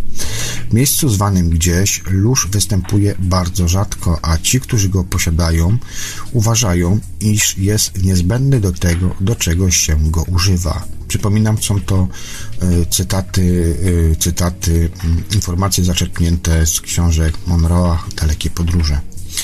Kierując się prawem podaży oraz popytu, powszechne prawo w gdzieś, y, czy też ktoś zamiast poszukiwać naturalnych zasobów luszu, zdecydował się go produkować w sposób powiedzmy sztuczny. Postanowił on więc założyć jego hodowlę oraz uprawiać go w ogrodzie. Naturalny lóż odznaczał się różnym stopniem czystości. Stwierdzono, że powstał on w wyniku ruchów wibracyjnych podczas cyklu węglowo-tlenowego oraz turnie podczas procesu reakcji.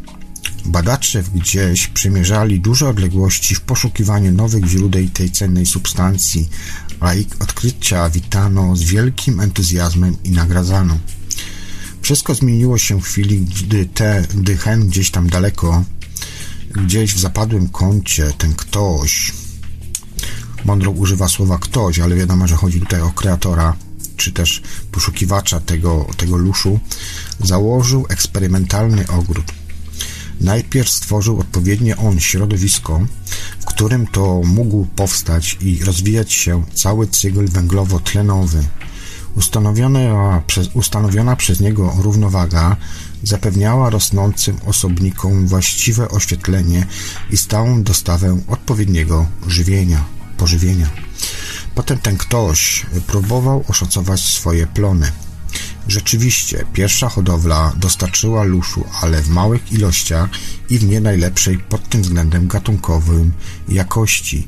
Nie nadawał się on do zabrania w miejsce zwane tam gdzieś, daleko do pierwotnej, nie wiem, krainy, innej rzeczywistości.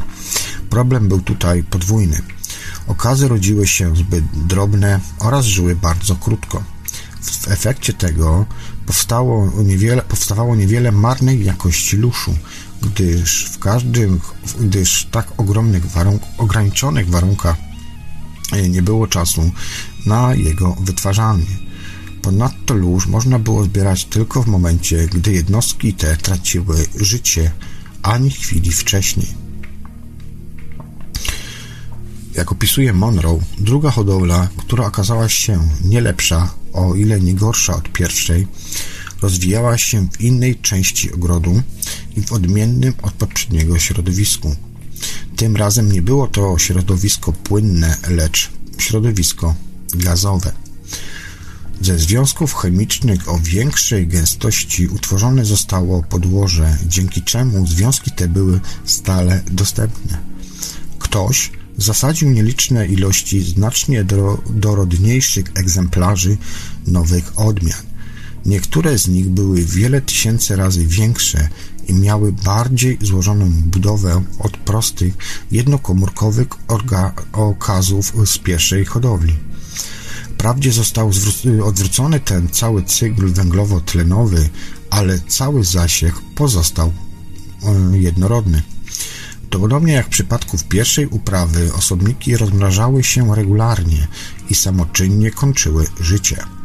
Aby uniknąć nierówno, nierównomiernego rozkładu odżywczych substancji chemicznych oraz oświetlenia, co miało miejsce w, w przypadku pierwszym, pierwszym, tego pierwszego ogrodu, eksperymentu, ten ktoś postanowił, że osobniki drugiej hodowli nie będą się poruszać po całym ogrodzie, lecz, lecz każdy z nich pozostanie w przydzielonej sobie jego części tym też celu wyposażył je w silne wyrostki sięgające w głąb twardego podłoża i unieruchamiające roślinę.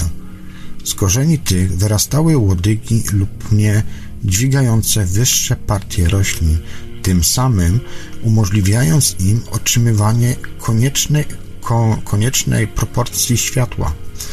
Górne części roślin, te szerokie oraz cienkie i dość wiotkie, pełniły rolę przekaźników energii. Wiecie już chyba dlaczego dobrze się czujemy, kiedy obejmujemy drzewo.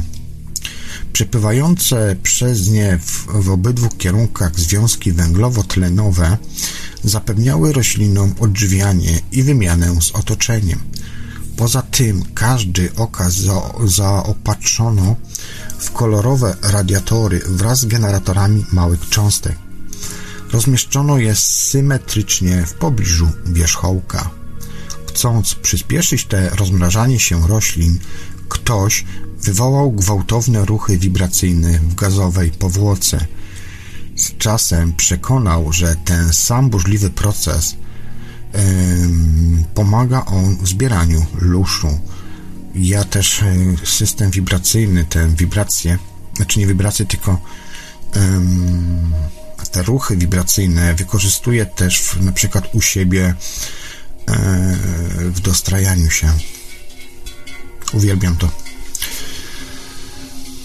Jednym słowem, po prostu manewrowanie energiami, mm, energiami jeszcze przed wyjściem w takim jakby w pół zawieszeniu, o, ja bym to tak nazwał. Bardzo ciekawe, bardzo ciekawe, bardzo ciekawe doświadczenia i uwielbiam ten stan. Y, jeśli zaburzenia były dostatecznie gwałtowne, kładły kres życiu roślin, które umierając wydzielały lóż. Miało to duże znaczenie, gdy istniała konieczność natychmiastowej dostawy tego surowca, gdyż nie trzeba było czekać na okres zbiorów.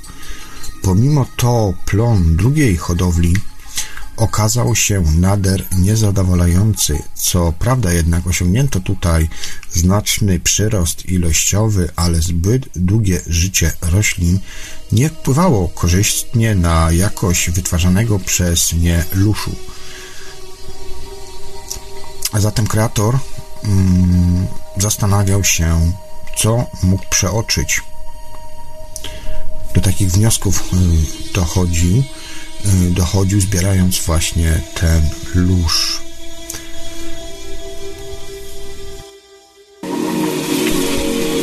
Ok, jestem z powrotem. Widziałem, że tutaj była jakaś przerwa, problemy techniczne, no utrudniają, utrudniają. Mi dzisiaj wysadzili radio, yy, ale to też tam była jeszcze inna sprawa, więc no właśnie, tutaj na czacie y, fanfaro beko. I jeszcze jedno. Ostatnie czasy ludzkie ciała zmieniają się z budowy węglowej na krzemową, lżejszą energetycznie w związku ze wzrostem świadomości. Także kreator niebawem padnie. Osko mówił, że gdybyśmy wszyscy weszli w pole serca w jednym czasie, czyli wyszli z emocjonalności, to w tym momencie oczyściłyby się wszystkie wody na globie. No, co do tego pierwszego, powiem wam ciekawostkę, bo ostatnio dwa dni temu przyglądałem się w lustrze i miałem wrażenie, że mi się kolor oczu zmienia. Pewnie to zabrzmi teraz dziwnie, ale jakieś takie bardziej świetliste się robią i no, zmienia się kolorystyka na bardziej jaśniejszą. Nie wiem, może ja sobie coś wkręcam, ale taką rzecz u siebie ostatnio zauważyłem. Podobno można. Podobno ludzie zmieniają kolor oczy w trakcie swojego życia. No dobrze, ale w takim razie nie przedłużajmy.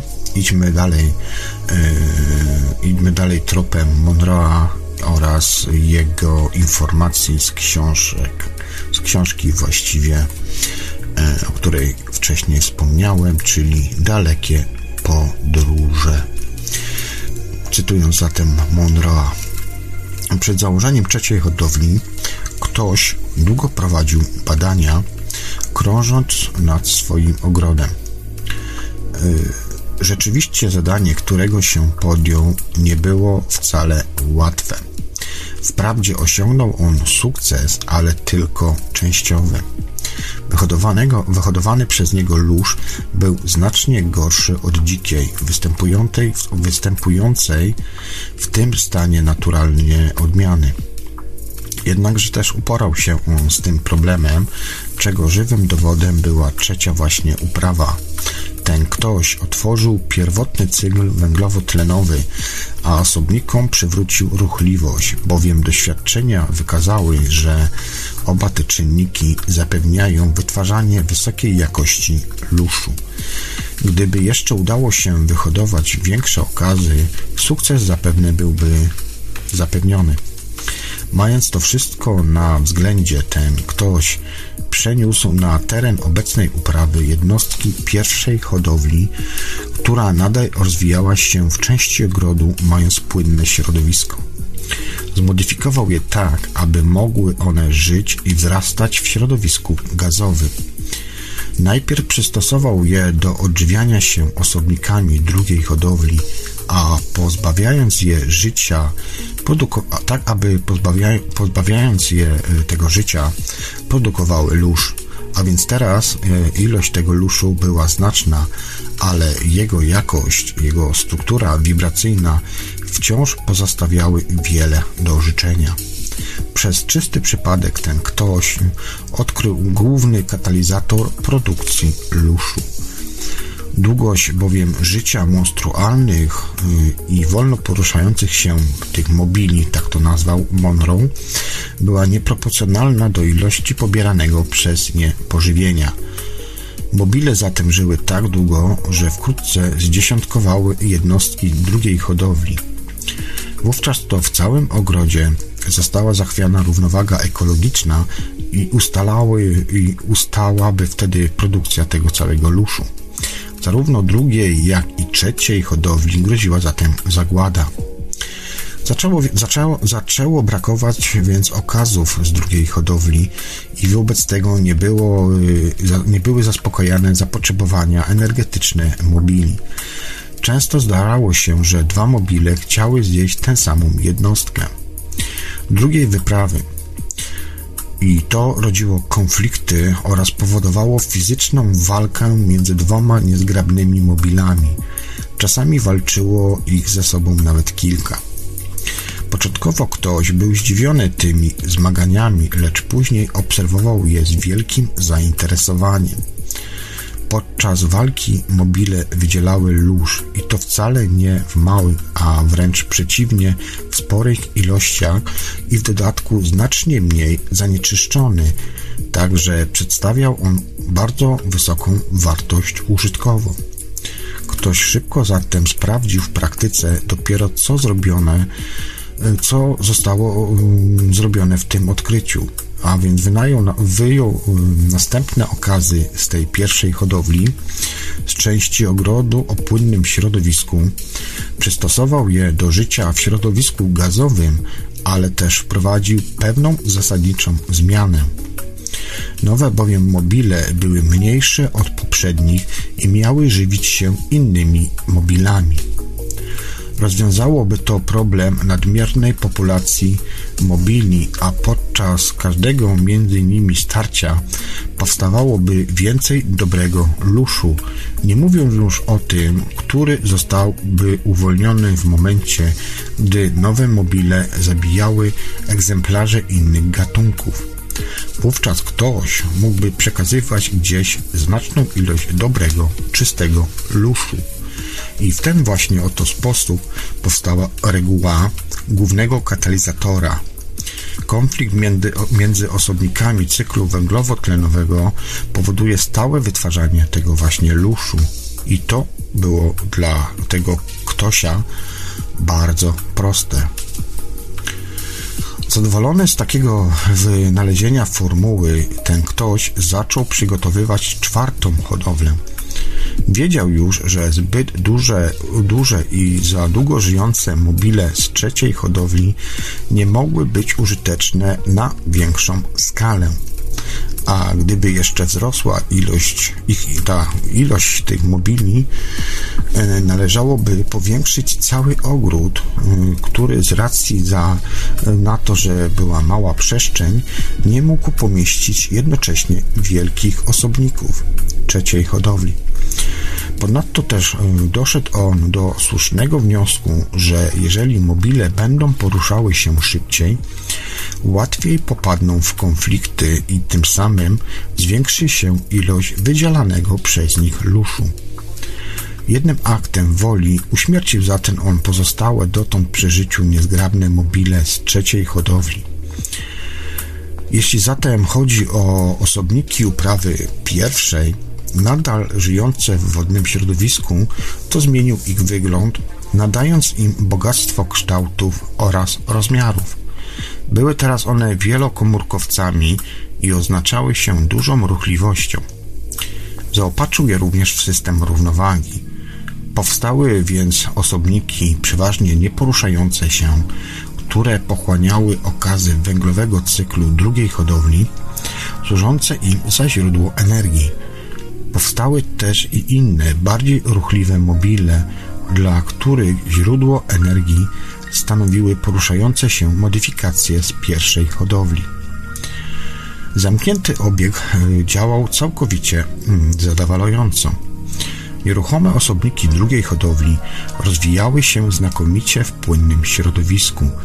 Żywiły się nim małe, bardzo ruchliwe mobile żyjące w wodzie. Z kolei większe oraz lub inne będące w ruchu mobile chcąc zdobyć energię, konsumowały mniejszych zjadaczy roślin.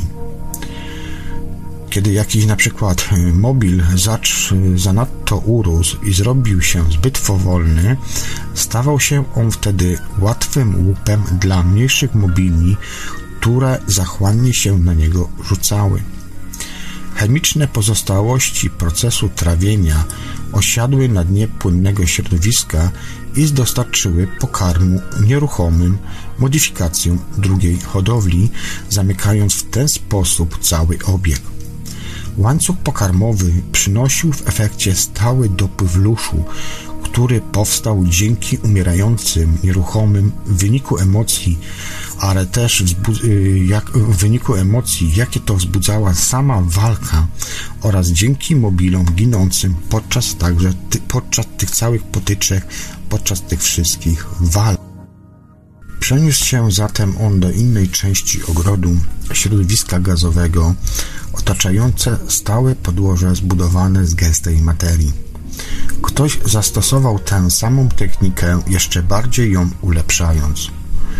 Stworzył więcej odmian nieruchomych, czyli okazów z pierwszej i drugiej hodowli, nieruchowych, przepraszam, tak to nazwą mądrą, aby nowym mobilom dostarczyć dostatecznej ilości urozmaiconego pożywienia.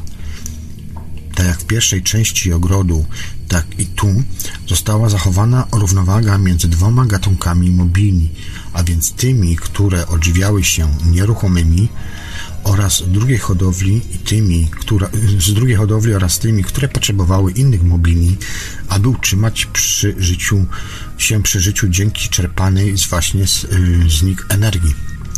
Powstały więc tysiące rodzajów mobili różnej wielkości, osobniki zatem małe oraz duże, choć nie tak wielkie jak mobile z trzeciej hodowli. Wszystkie zostały wyposażone w pomysłowe akcesoria ułatwiające walkę.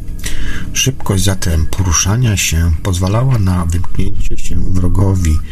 Barwy ochronne miały na celu zmylenie przeciwnika, ruchome narządy służące do wykrywania niebezpieczeństwa, a niezwykle twarde wyrostki do chwytania, przybijania i rozszarpywywania wroga. Wszystko to ułatwiało walkę i przedłużało czas jej trwania, a w konsekwencji zwiększało wydzielanie luszu. W ramach dodatkowego eksperymentu ten ktoś zaprojektował i stworzył taką odmianę mobila, która w porównaniu z mobilami czwartej y, hodowli była słaba i niedołężna. Jednak mobile eksperymentalne miały dwie zasadnicze zalety. Mogły spożywać zarówno nieruchomych, jak inne mobile i czerpać z nich energię. Poza tym ktoś przekazał im cząstkę siebie, ponieważ nie, była ani, nie było ani znane, ani dostępne inne źródło takiej substancji, by służyła jako główny czynnik wzmagający ruchliwość. Wiedział, że zgodnie z prawem przyciągania taka domieszka tych substancji, tej substancji całej, a więc też część jego dążąca do połączenia się z niekończoną całością spowoduje u tego szczególnego gatunku mobila nieustającą ruchliwość. Tym samym dążenie do zaspokojenia potrzeb energetycznych poprzez pożywienie nie będzie jedyną siłą pobudzającą mobile do ustawicznej aktywności, a co najważniejsze, poprzez y, potrzeb wynikających z wewnętrznego przymusu, jaki stwarza wszczepiona drobinka tego kogoś, y, nie może być ona też, y, nie będzie można też nie będzie można też zaspokoić w ogrodzie. Tak więc zawsze będzie istniała potrzeba tutaj ruchu i konflikt pomiędzy tą potrzebą a koniecznością pobierania energii i o ile przetrwa, być może przyczyni się do stałej dostawy wysokogatunkowego luszu. Zatem czwarta hodowla przekroczyła wszelkie oczekiwania kogoś. Okazało się, że ogród zaczął dostarczać dobrego luszu. Równowaga życiowa działała zatem doskonale. Czynnik konfliktowy wpływał na wytwarzanie ogromnej ilości luszu, a dodatkową dostawę tego surowca zapewniała śmierć wszystkich rodzajów mobili oraz nieruchomych. Ktoś zatem wyznaczył specjalny nadzór kierujący produkcją i pomagający przy zbiorach. Utworzył on kanały, którymi transportowano nieoczyszczony lóż z ogrodu do miejsca zwanego gdzieś. To są słowa oczywiście Monroe'a, przypominam. Nazewnictwo właściwie Monroe'a. Odtąd dzięki ogrodowi ten ktoś naturalne zasoby przez, yy, przestały być dla gdzieś jedynym źródłem luszu. Po sukcesie, jaki ogród kogoś odniósł w produkcji luszu, także inni zaczęli projektować i budować swoje ogrody. Było to zgodne z prawem podaży i popytu. Próżnia jest bowiem stanem niezapewniającym równowagi, ponieważ ogród kogoś tylko częściowo pokrywał zapotrzebowanie gdzieś na lóż.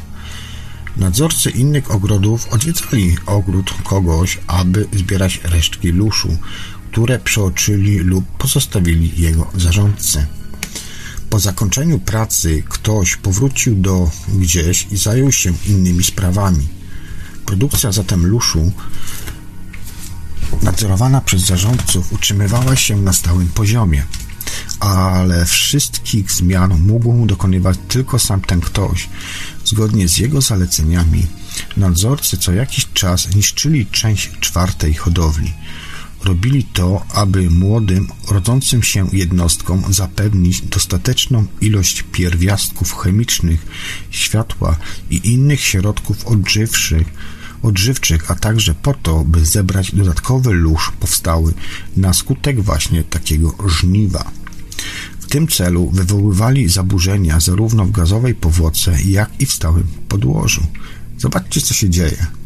Chemtrace, E, i te wszystkie inne rzeczy wokół nas.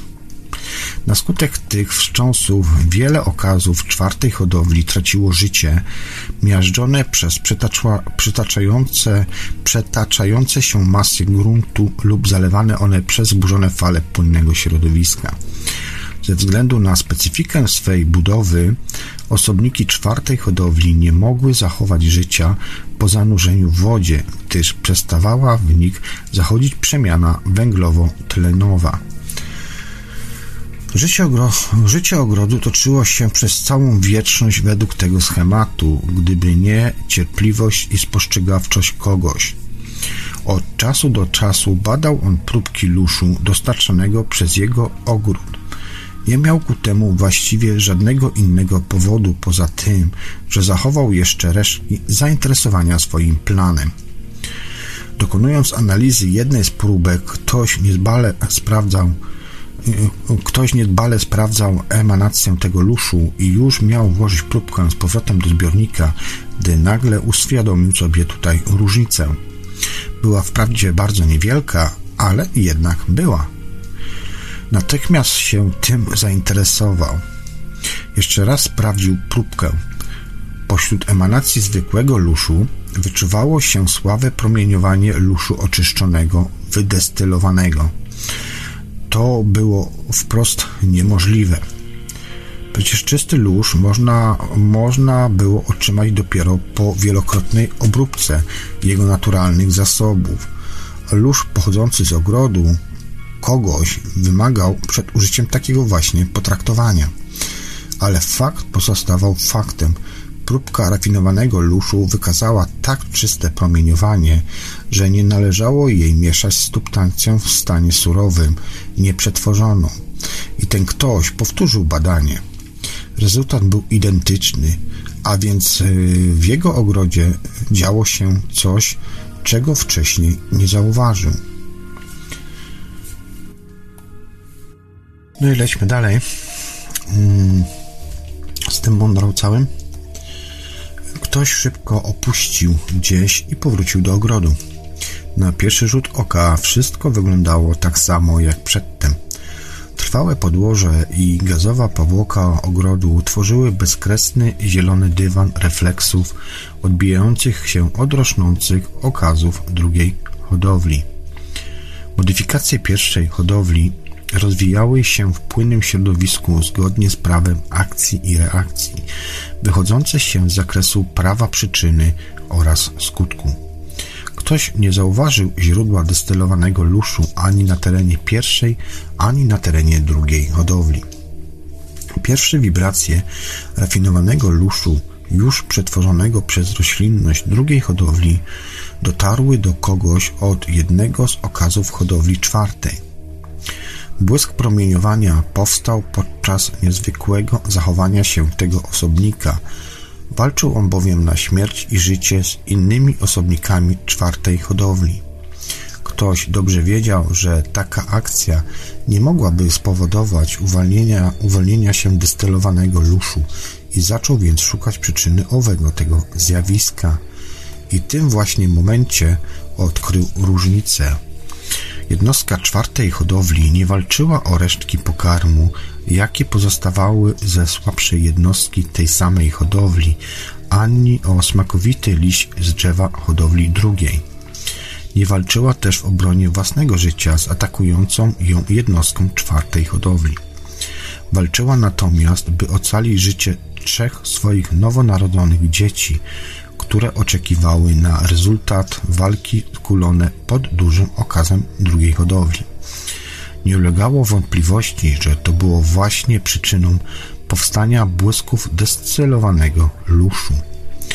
Podążając tym tropem, ktoś posprawdzał, co robią w ogrodzie pozostałe osobniki czwartej hodowli i stwierdził powstawanie podobnych błysków w momencie, gdy inne stworzenia walczyły o obronie swoich młodych. Wciąż jednak coś tu się nie zgadzało. Gdyby wszystkie żyjące w tej chwili egzemplarze czwartej hodowli podjęły taką właśnie akcję, to suma powstała w jej efekcie rozbłysków descelowanego luszu nie dawałaby nawet połowy tego, co znajdowało się w próbce wyjętej ze zbiornika. A więc musiała istnieć jeszcze inna przyczyna powstawania rafinowanego luszu. Ktoś krążył nad ogrodem, systematycznie przeszukując każdy jego zakątek. W końcu zlokalizował źródło promieniowania wysokogatunkowego luszu. Szybko więc udał się w tym kierunku. I rzeczywiście w pewnej części ogrodu pod dużym liściastym okazem drugiej uprawy stała samotnie jedna z, z ekstremalnych modyfikacji czwartej hodowli, tych, które miały w sobie jego cząstkę. Nie była głodna, nie popadła w konflikt z inną jednostką czwartej uprawy, nie walczyła w obronie swoich młodych. To, no, to dlaczego w takim razie mm, zaczął się zastanawiać ten ktoś, wydzielała tak dużo destylowanego luszu? Ktoś zatem przesunął się jeszcze bliżej. Skoncentrował się intensywnie na tym stworzeniu i już wiedział, w czym rzecz. Było ono samotne. To właśnie stanowiło powód wydzielania przez nie czystego luszu. Gdy ktoś odsunął się znów, zauważył coś niezwykłego. Zmodyfikowana jednostka czwartej hodowli nagle uświadomiła sobie jego obecność. Upadła na podłoże i zaczęła wić się w prawdziwych konwulsjach, wydzielając przezroczysty płyn z dwóch otworów służących do odbioru promieniowania. W tym momencie wytwarzała jeszcze więcej destylowanego luszu. No, jaką mamy sytuację dzisiaj? Jak jesteśmy pozamykani sami w domach? To właśnie wtedy ktoś stworzył swoją słynną formułę DLP, czyli Distilled Lush Production, produkcja destylowanego luszu w tłumaczeniu, które stosuje się w ogrodzie po dziś dzień. Rezultat tej historii jest dobrze znany. Ktoś włączył do swej formuły taką bowiem zasadę, cytuję, Wytwarzanie przez jednostki 4M czystego, destylowanego luszu jest wywołane przez niezaspokojenie, ale tylko wówczas, gdy niezaspokojenie to wpływa, wypływa z potrzeb o wyższym poziomie wibracyjnym niż potrzeby zmysłowe. Im większe takie zaniepokojenie, tym większa produkcja destylowanego luszu. Koniec cytatu. Wykorzystując zatem formułę w praktyce, ktoś wprowadził w swoim ogrodzie ogromne zmiany. Są one dobrze znane każdemu historykowi. Wszystkie osobniki podzielił, podzielił on na połowy, aby zrodziły się z nich uczucie samotności, które będą to udawały, y, które będą usiłowały ponownie się połączyć, chcąc uzyskać jedność. I zwiększył on też przewagę okazów 4M. To są dwie najistotniejsze innowacje. W chwili obecnej ogród jest fascynującym przykładem wydajnej produkcji luszu. Nadzorcy już dawno stali się mistrzami w sztuce stosowania formuły GLP, jednakże typu 4M e, zmodyfikowały inne jednostki i prze, rozprzestrzeniły się w całym ogrodzie, z wyjątkiem głębszej części wodnego środowiska są one głównymi producentami destylowanego luszu. W oparciu o doświadczenie nadzorcy wypracowali całą technologię zbierania luszu z osobników typu 4M, wykorzystując w tym celu pomocnicze narzędzia.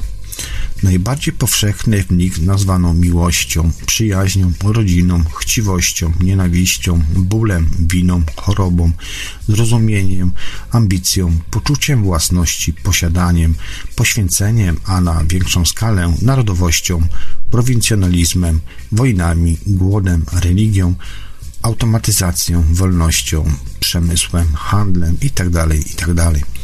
Nigdy dotąd nie było tak wysokiej wówczas, y, nigdy nie było tak naprawdę y, takie, w, tak wysokiej produkcji tego luszu, gdyby, nie, gdyby właśnie nie te, te, te zabiegi, które zostały zastosowane. Także to było to, co miał do powiedzenia Monroe w swoich książkach odnośnie luszu.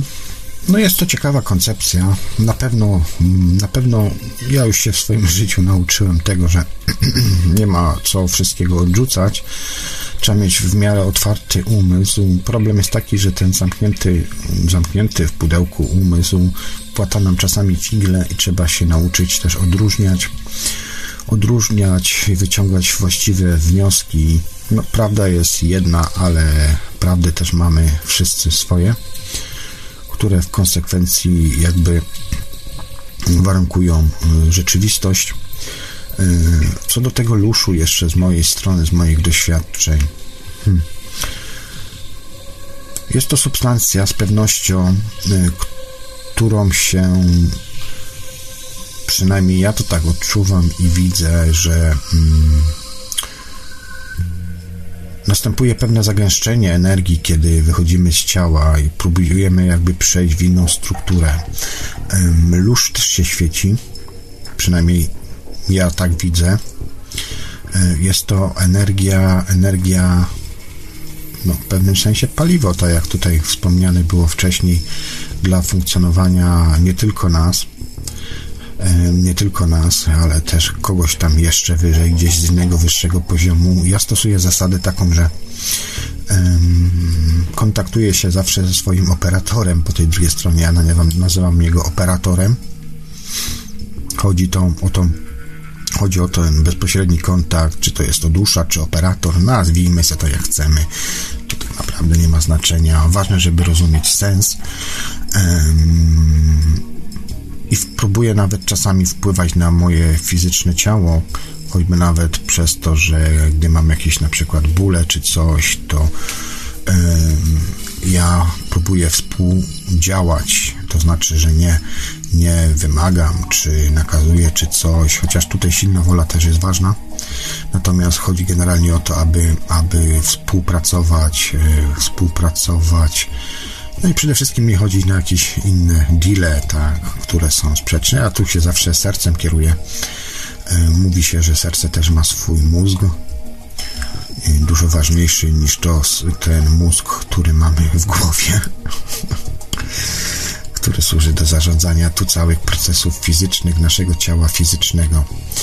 Także temat luszu jest dla mnie ciężkim tematem, tak jak Wam powiedziałem wcześniej, wspomniałem. E, zastanawiałem się, jak to wszystko przekazać. E, widzę, że tu jakieś treningi były na czatach. W ogóle przerwało audycję w pewnym momencie jakieś chyba ataki były, czy coś. Mi radio już dzisiaj wywalili. Ale to też jest e, moja strona, muszę tam do prowajdera napisać, mm, bo się skończyła po prostu licencja i, i zapomniałem przez ten cały weekend. Wolałem się dzisiaj zrelaksować. Polecam Wam, polecam Wam, kochani, E, siadanie sobie na trawce, na ławeczce, zastanawianie się nad tym, ale z drugiej strony też, ale z drugiej strony też właśnie ta sentencja, to co wspomniałem wcześniej, że, że to samo odosobnienie, pozostawienie człowieka samemu sobie, to co teraz mamy w tych naszych dziwnych, trudnych czasach, powoduje to, że właśnie człowiek się jeszcze bardziej jakby produkuje tej substancji, tej energii, tej energii, która jest potrzebna tam komuś innemu po drugiej stronie. Pytanie komu?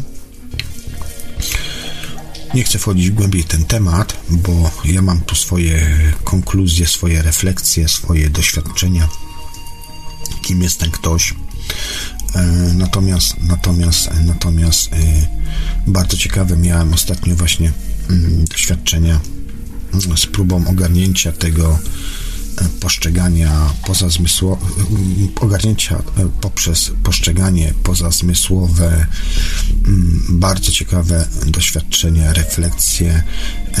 U mnie się w ogóle procesy jakieś takie dziwne dzieją. Ja strasznie intensywne i bardzo szybkie dostrojenie mam ostatnimi czasami, bardzo silne. E, nawet czasami, kiedy tam położę się i leżę i intensywnie myślę nad jakąś tam rzeczą, to jestem w stanie się przyłapać, że przez dwie godziny nic innego nie robiłem, tylko się patrzyłem w sufit, się zastanawiałem, myślałem, analizowałem pewne rzeczy. Tak ten czas mi tutaj leci. Ale myślę, że to jest dobre, bo, bo ja zawsze byłem za tą koncepcją, żeby człowiek usiadł na tej ławeczce i zaczął się zastanawiać, zadawać pytania, bo jest to jedna z pierwszych jakby dróg y, y, służących nam do tego, abyśmy, abyśmy zaczęli postrzegać tą rzeczywistość troszkę inaczej. Jakoś tak zawsze miałem od najmłodszych lat y, lubiałem sobie przesiadywać na ławeczce i zawsze się zastanawiałem, gdzie ci ludzie tak wszyscy pędzą, E, przecież życie powinno chyba trochę na czym innym zupełnie wyglądać. Dziś jest przestawienie całych tych systemów. E, zaraz odpowiem na pytanie. E, być może ma to związek z ogólnym przestawianiem się teraz całego systemu.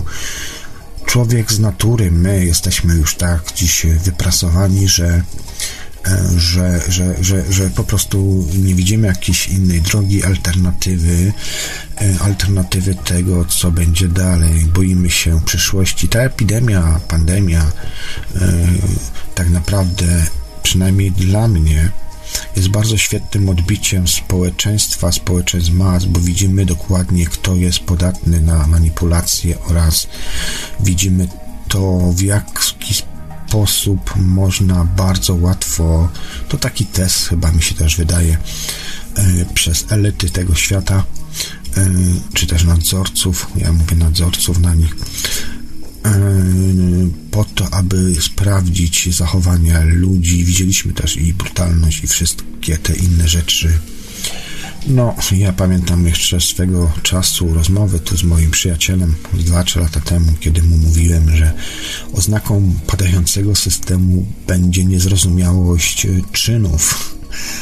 No i to właśnie mamy. Najbardziej absurdalne procesy będą zachodziły właśnie wtedy, kiedy system będzie zaczął padać i to będzie nam pokazywać, to będzie sygnał taki, że nadchodzi zmiana ale ta cała pandemia, którą mamy dzisiaj i staram się tutaj Wam, drodzy słuchacze, mówić w bardziej pozytywny sposób, nie strasząc Was, bo, bo po co to potrzebne komu, e, bardziej staram się, aby, aby zrozumieć ten cały proces i pokazuje nam to wszystko e, to, że pokazuje nam ta cała pandemia, tą podatność na manipulacje, na chyba już wyłączenie procesów myśleniowych u większości jednak ludzi, choć na przykład hmm, no nie wiem, ja przez cały okres pandemii ani razu żadnej maski nie nałożyłem. Dwa bilety mi do Polski skasowano. Teraz muszę rok czasu czekać na zwrot pieniędzy. Chyba, że wykorzystam vouchery, które mi tutaj zaproponowano, a raczej nie wykorzystam, więc jeżeli chodzi o kupno biletu, trzeba od razu zapłacić, a o zwrot pieniędzy od tak trzeba poczekać 12 miesięcy. No, musi się firma chyba w jakiś sposób odkuć, no ale zaplanowali, tak? Te firmy, te firmy biorą udział w tym wszystkim całym procesie, więc są współwinne, więc niech padają bez skrupułów, niech padają. Skoro zdecydowały się na udział w takim dziadostwie, to niech padają. To jest tak samo jak, mm, jak teraz w tych czasach, gdzie mówi się o pedofilii i o tych wszystkich innych rzeczach. tak, że to sprawca zrobił, że on jest winny. Ja uważam, że nie do końca. Zawsze jest druga strona medalu. E, zawsze jest druga strona medalu i trzeba patrzeć na całość, a nie tylko na jego części, choć te części też są w jakimś stopniu e, no, wpływają, wpływają, tak. Jesteśmy częścią wszystkiego, całości. Tutaj fanfaro Beko na czacie YouTube'owym Radia Paranormalium napisał, komu jest to potrzebne, a może to ma związek z istotami pozaziemskimi, dokładnie UFO. Domyślam się, drogi słuchaczu, że chodzi Ci tutaj o mm, mm, no ten cały luz chyba, tak? Bo nie sprecyzowałeś, a może gdzieś, ja wiem, że jest opóźnienie radiowe trochę, więc może coś powiedziałem, a, a do tego ty mi tutaj to pytanie dołączyłeś, natomiast no, wydaje mi się właśnie, że UFO to jest w pewnym sensie, są bardzo świetne, są przecież debaty ufologiczne na Radiu Paranormalnym, i tam właśnie też była kiedyś swego rodzaju chyba audycja. Jak dobrze pamiętam, nazywała się e, nazywała się e, Czy jesteśmy plantacją, czyjąś własnością, chyba coś takiego. Taka audycja była, ona też była dość bardzo popularna. Chyba jedna z najlepiej słuchalnych audycji w Radiu Paranormalium, więc tam również panowie poruszali, poruszali właśnie te kwestie, czy jesteśmy czyjąś własnością. Wydaje mi się, że UFO, UFO jest właśnie taką jakby mm, no, pewną częścią odnogą kontroli, tak, sprawdzenia właśnie tej uprawy. Ja pamiętam kiedyś swego czasu, kiedy mm, robiłem eksperymenty w Londynie, gdzie mm, to moje ja musiało umrzeć i rozbić się na części pierwotne. To był taki moment, kiedy kiedy mm,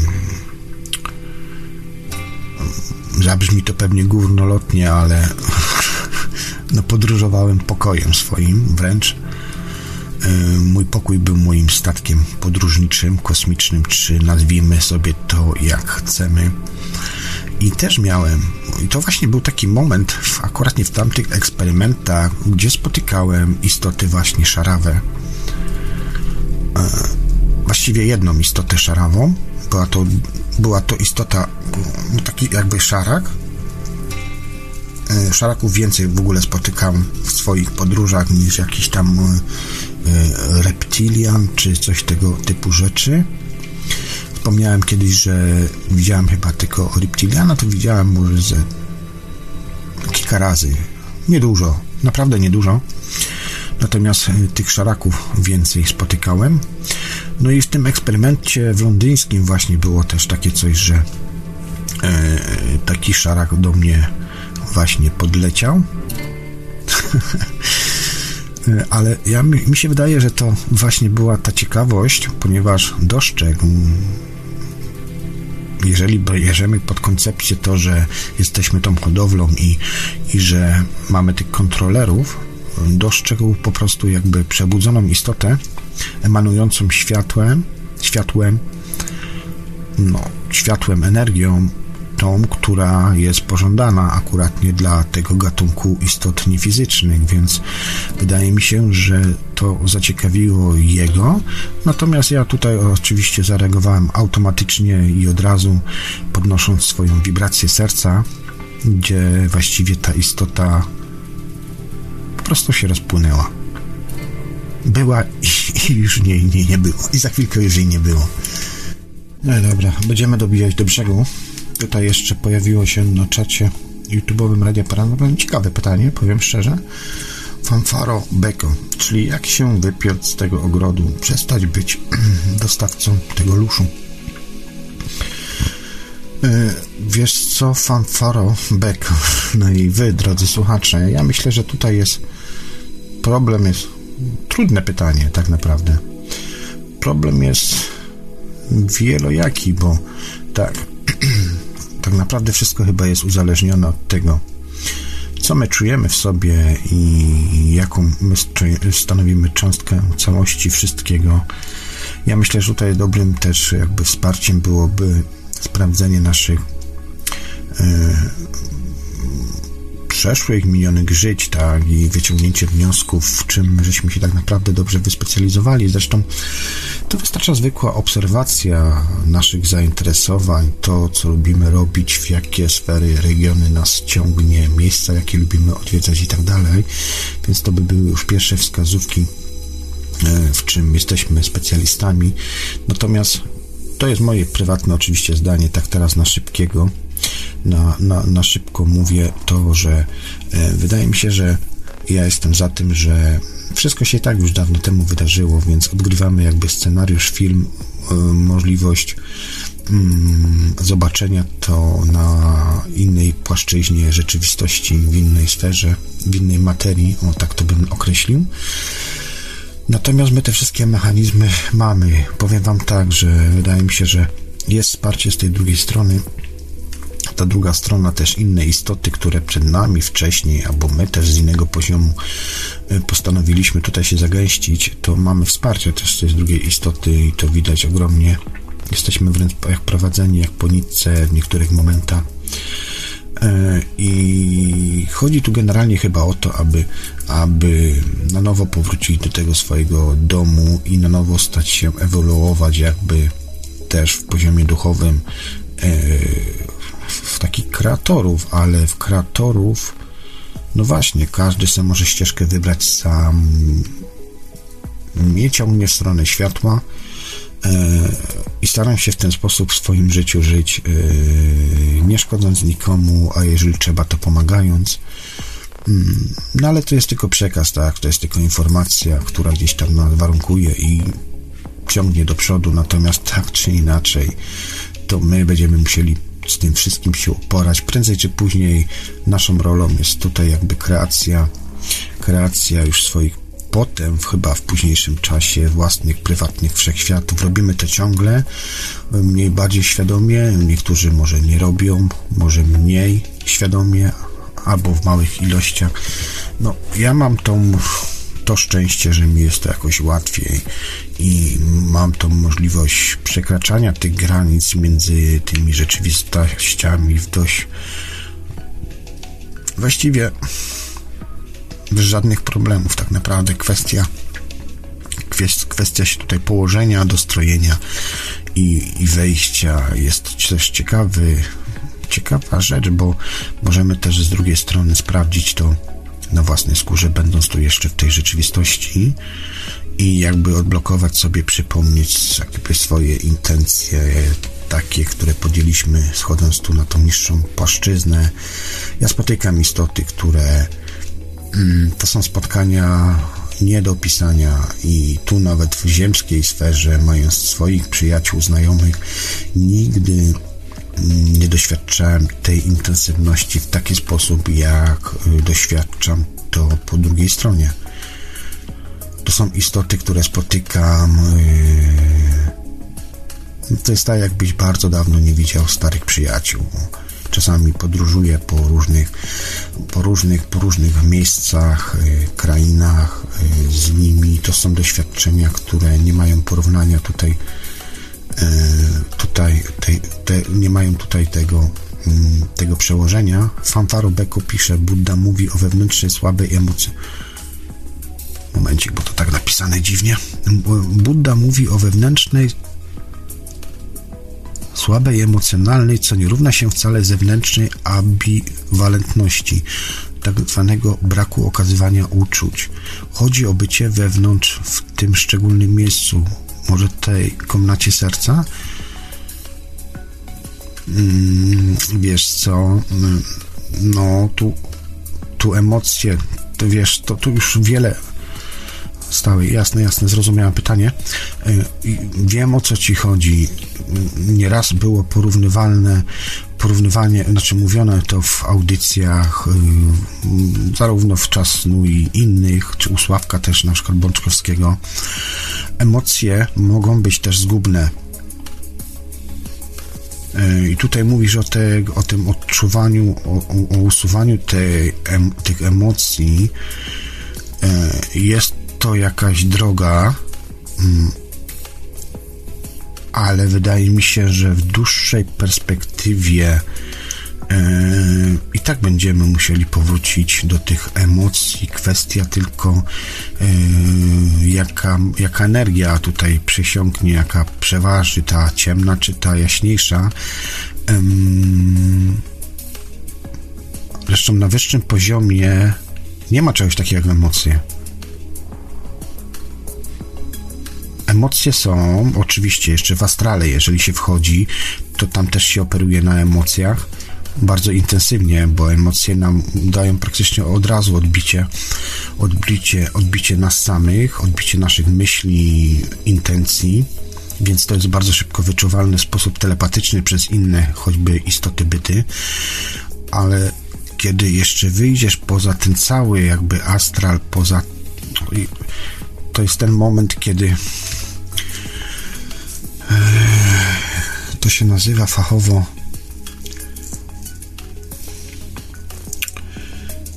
nie archonci, tylko jeszcze inaczej, ale jest taki moment, że można, ja omówiłem o tym już w którejś audycji, o tych moich wizjach też, tej istoty postaci, znaczy siebie w sumie, tak, tylko że już takie jakby um,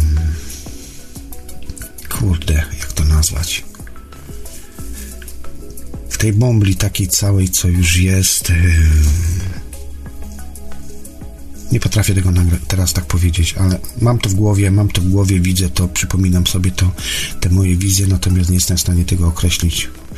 Ale to jest ten moment, kiedy yy, jest już rozwarstwienie na tą bąblę siebie wewnątrz, zewnątrz i patrzenie już na te swoje prywatne wszechświaty, na no nie wiem, nie wiem jak to, jak to, jak to powiedzieć, żebyście kochani to zrozumieli. Natomiast tak, tutaj jeszcze wspominasz o komnacie serca. Ja bardzo polecam to. Tutaj Robert Noble y, mówi też dużo o tym sercu właśnie, tam polecam jego książki jak najbardziej. Są dobre książki, uważam Roberta za jednego z najlepszych polskich gobenautów i mamy tu stały kontakt, y, mamy tu stały kontakt, mniejszy bądź większy, ale mamy. Natomiast y, on tam dużo mówi też o komnacie. Ja tą komnatę serca stosuję bardzo, znaczy teraz może mniej, ale, ale ja sobie stworzyłem jakby taki wewnętrzny świat w sobie, gdzie właśnie wchodziłem sobie do takiej komnaty, y, na, w której na środku stało. To też taki był jakby mój pojazd do poruszania się w tych sennych przestrzeniach, gdzie sobie na tym siadałem. Byłem takim królem tron, na, na tym tronie swoim. I sobie po prostu podróżowałem takim pokoikiem. Różnie to wyglądało, czasami się unosiłem, gdzieś tam leciałem, ale czasami też pojawiały mi się, jak w Matrixie, takie właśnie drzwi, gdzie sobie mogłem przejść, wejść, przejść po prostu, o, to było jakby takie rondo wszechświatu, wszechświatu, tak to byśmy nazwali. Wyobraźcie sobie rondo, na rondzie jest, na rondzie jest, na rondzie jest, siedzi, jest ustawione krzesło, na którym sobie siedzę, jakieś szklane szybki wokoło, także takim pudełku szklanym jakby i co jakiś czas się otwierają drzwi i mogę sobie różnymi drzwiami wyjść, wyjść na przykład do swojego jakiegoś tam świata bądź istniejącego, bo to też kwestia różna była. Więc tak sobie robiłem, ale to miejsce, jeżeli chodzi o komnatę serca, też tak sobie to nazwałem dokładnie, jak ty tu piszesz fanfaro beko, yy, stosowałem i dalej stosuję w mniejszym lub większym stopniu, bo już teraz trochę inaczej um, operuję energiami. Yy, stosowałem do samoleczenia się, do usuwania bólów, napięć w organizmie, yy, uspokajania myśli, odczepienia po prostu świadomości od, od, od, od materii tutaj. Dobra, jeszcze popatrzę, co tam jest dalej. No dobra, no to będziemy kończyć w takim razie audycję. Tutaj jeszcze pytanie jest na czarcie. Fanfaro Beko pisze, przyszła mi teraz myśl, że postawa obserwatora rzeczywistości to też może sposób na niezasilanie ich, czyli stan tu i teraz. No właśnie, i dlatego ja próbuję w jakiś sposób uświadamiać też tutaj ludzi, aby patrzeć właśnie z tej płaszczyzny obserwatora, aby patrzeć troszkę z szerszej, wyższej, większej perspektywy niż tylko to, co mam tu i teraz przy sobie, czyli mikrofon, laptop i tak dalej. Są jeszcze inne rzeczy, uczucia yy, oraz jeszcze zupełnie inne rzeczy, które mogą wpływać na naszą transformację, transformację, czy też przypomnienie, powrót do naszego wewnętrznego źródła. To jest taki chyba główny cel tych wszystkich moich audycji. Czytałem kiedyś o człowieku, który był w obozie koncentracyjnym i przyjął postawę obserwatora tego piekła, jak pisał, żeby nie zwariować, czyli patrzył na to jak na mechanizm. No, no i tu masz odpowiedź, klucz taki jakby. No właśnie, no właśnie. Dobra, nie zasilania tego. Nie oceniał tego, co widział, przyjął, że takie jest. Przetrwał obóz, jakby był niezauważalny przed hitlerowcą. No, ja myślę, że coś w tym jest. Nie będę już tego rozszerzał, ale doskonale sobie zdaję z tego sprawę, e, fanfaro, co napisałeś. Będę kończył w takim razie audycję. Już jest rzeźnicka pora, 3 godziny audycji. Kto tego będzie tyle słuchał? To tak jeszcze w skrócie.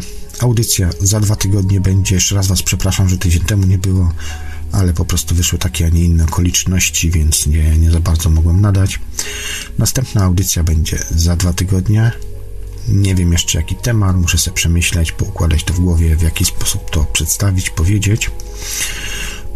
Zapraszam Was do, na stronę radiodreamtime.com. Tam macie archiwa, pełne archiwa e, oraz na kanał YouTube'owy Juby John.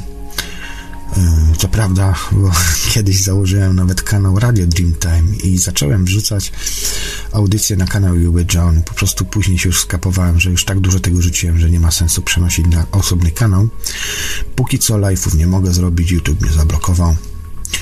No niestety cenzura działa, ale jest alternatywa portal y, BitChute i tam można spokojnie znaleźć audycje, które systematycznie po troszku w miarę możliwości wrzucam, wiesz, jakbyście chcieli. Tam przynajmniej jest ciekawie, bo, bo tam widzę, że nie ma zafałszowanych statystyk, natomiast na YouTubie się to dziwne różne akcje działy, a to mi dodawano jakoś słuchaczy, a to odejmowano, a różne jeszcze inne rzeczy były, mniejsza z tym, nie chcę tutaj Was zanudzać.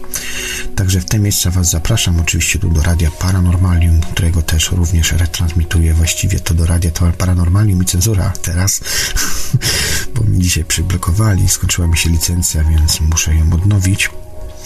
Y, póki co to słucha, do słuchania też oczywiście Radia Dreamtime Wam zachęcam. Wszystko macie na YouTubie, na kanale profilowym Radia Dreamtime. No i myślę, że chyba, chyba tyle, tak?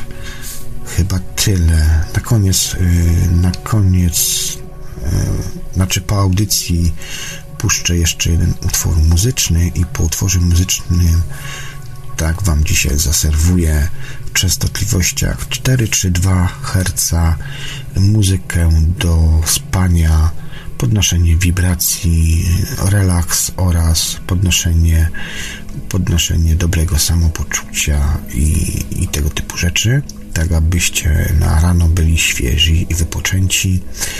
Ja, no to trwa dość długo, więc ja to na pewno skrócę ten, ten, ten zapis, ale to już tak, wiecie, po tym. Dobra, kończę, żegnam się z Wami. Do usłyszenia za dwa tygodnie. Mam nadzieję, że wszystko będzie ok. Życzę Wam dużo zdrowia, doświadczeń, analizowania, patrzenia z szerszej perspektywy, bo człowiek, który widzi trochę więcej, zna te procesy, nie da się tak łatwo oszukać. Tak mi się przynajmniej wydaje. Taka jest moja droga i tą drogą staram się iść, być, żyć w zgodzie z sobą, a efekty będą widoczne na zewnątrz. Życzę Wam zdrowia, odporności, świadomych, kolorowych snów, doświadczeń i dzielenia się tymi doświadczeniami. Na dysku na radiu Dreamtime jest również folder Dziennik Śpiocha, więc jak macie, więc jak macie macie jakieś swoje własne sny, przemyślenia, to zapraszam Was tam, żebyście wrzucali, można wrzucać. A ja z chęcią na pewno wykorzystam. Brakuje mi tych e, audycji radiowych, gdzie słuchacze się dzielili swoimi informacjami. Ja też przecież byłem jedną z takich osób na samym początku w radiu na fali. Także chciałbym do tej formuły wrócić, bo opowiadanie snów jest oznaką tego, że wszystko jest z nami ok. Do następnego razu trzymajcie się, bądźcie zdrowi i odporności. Cześć. Projekt, realizacja. realizacja.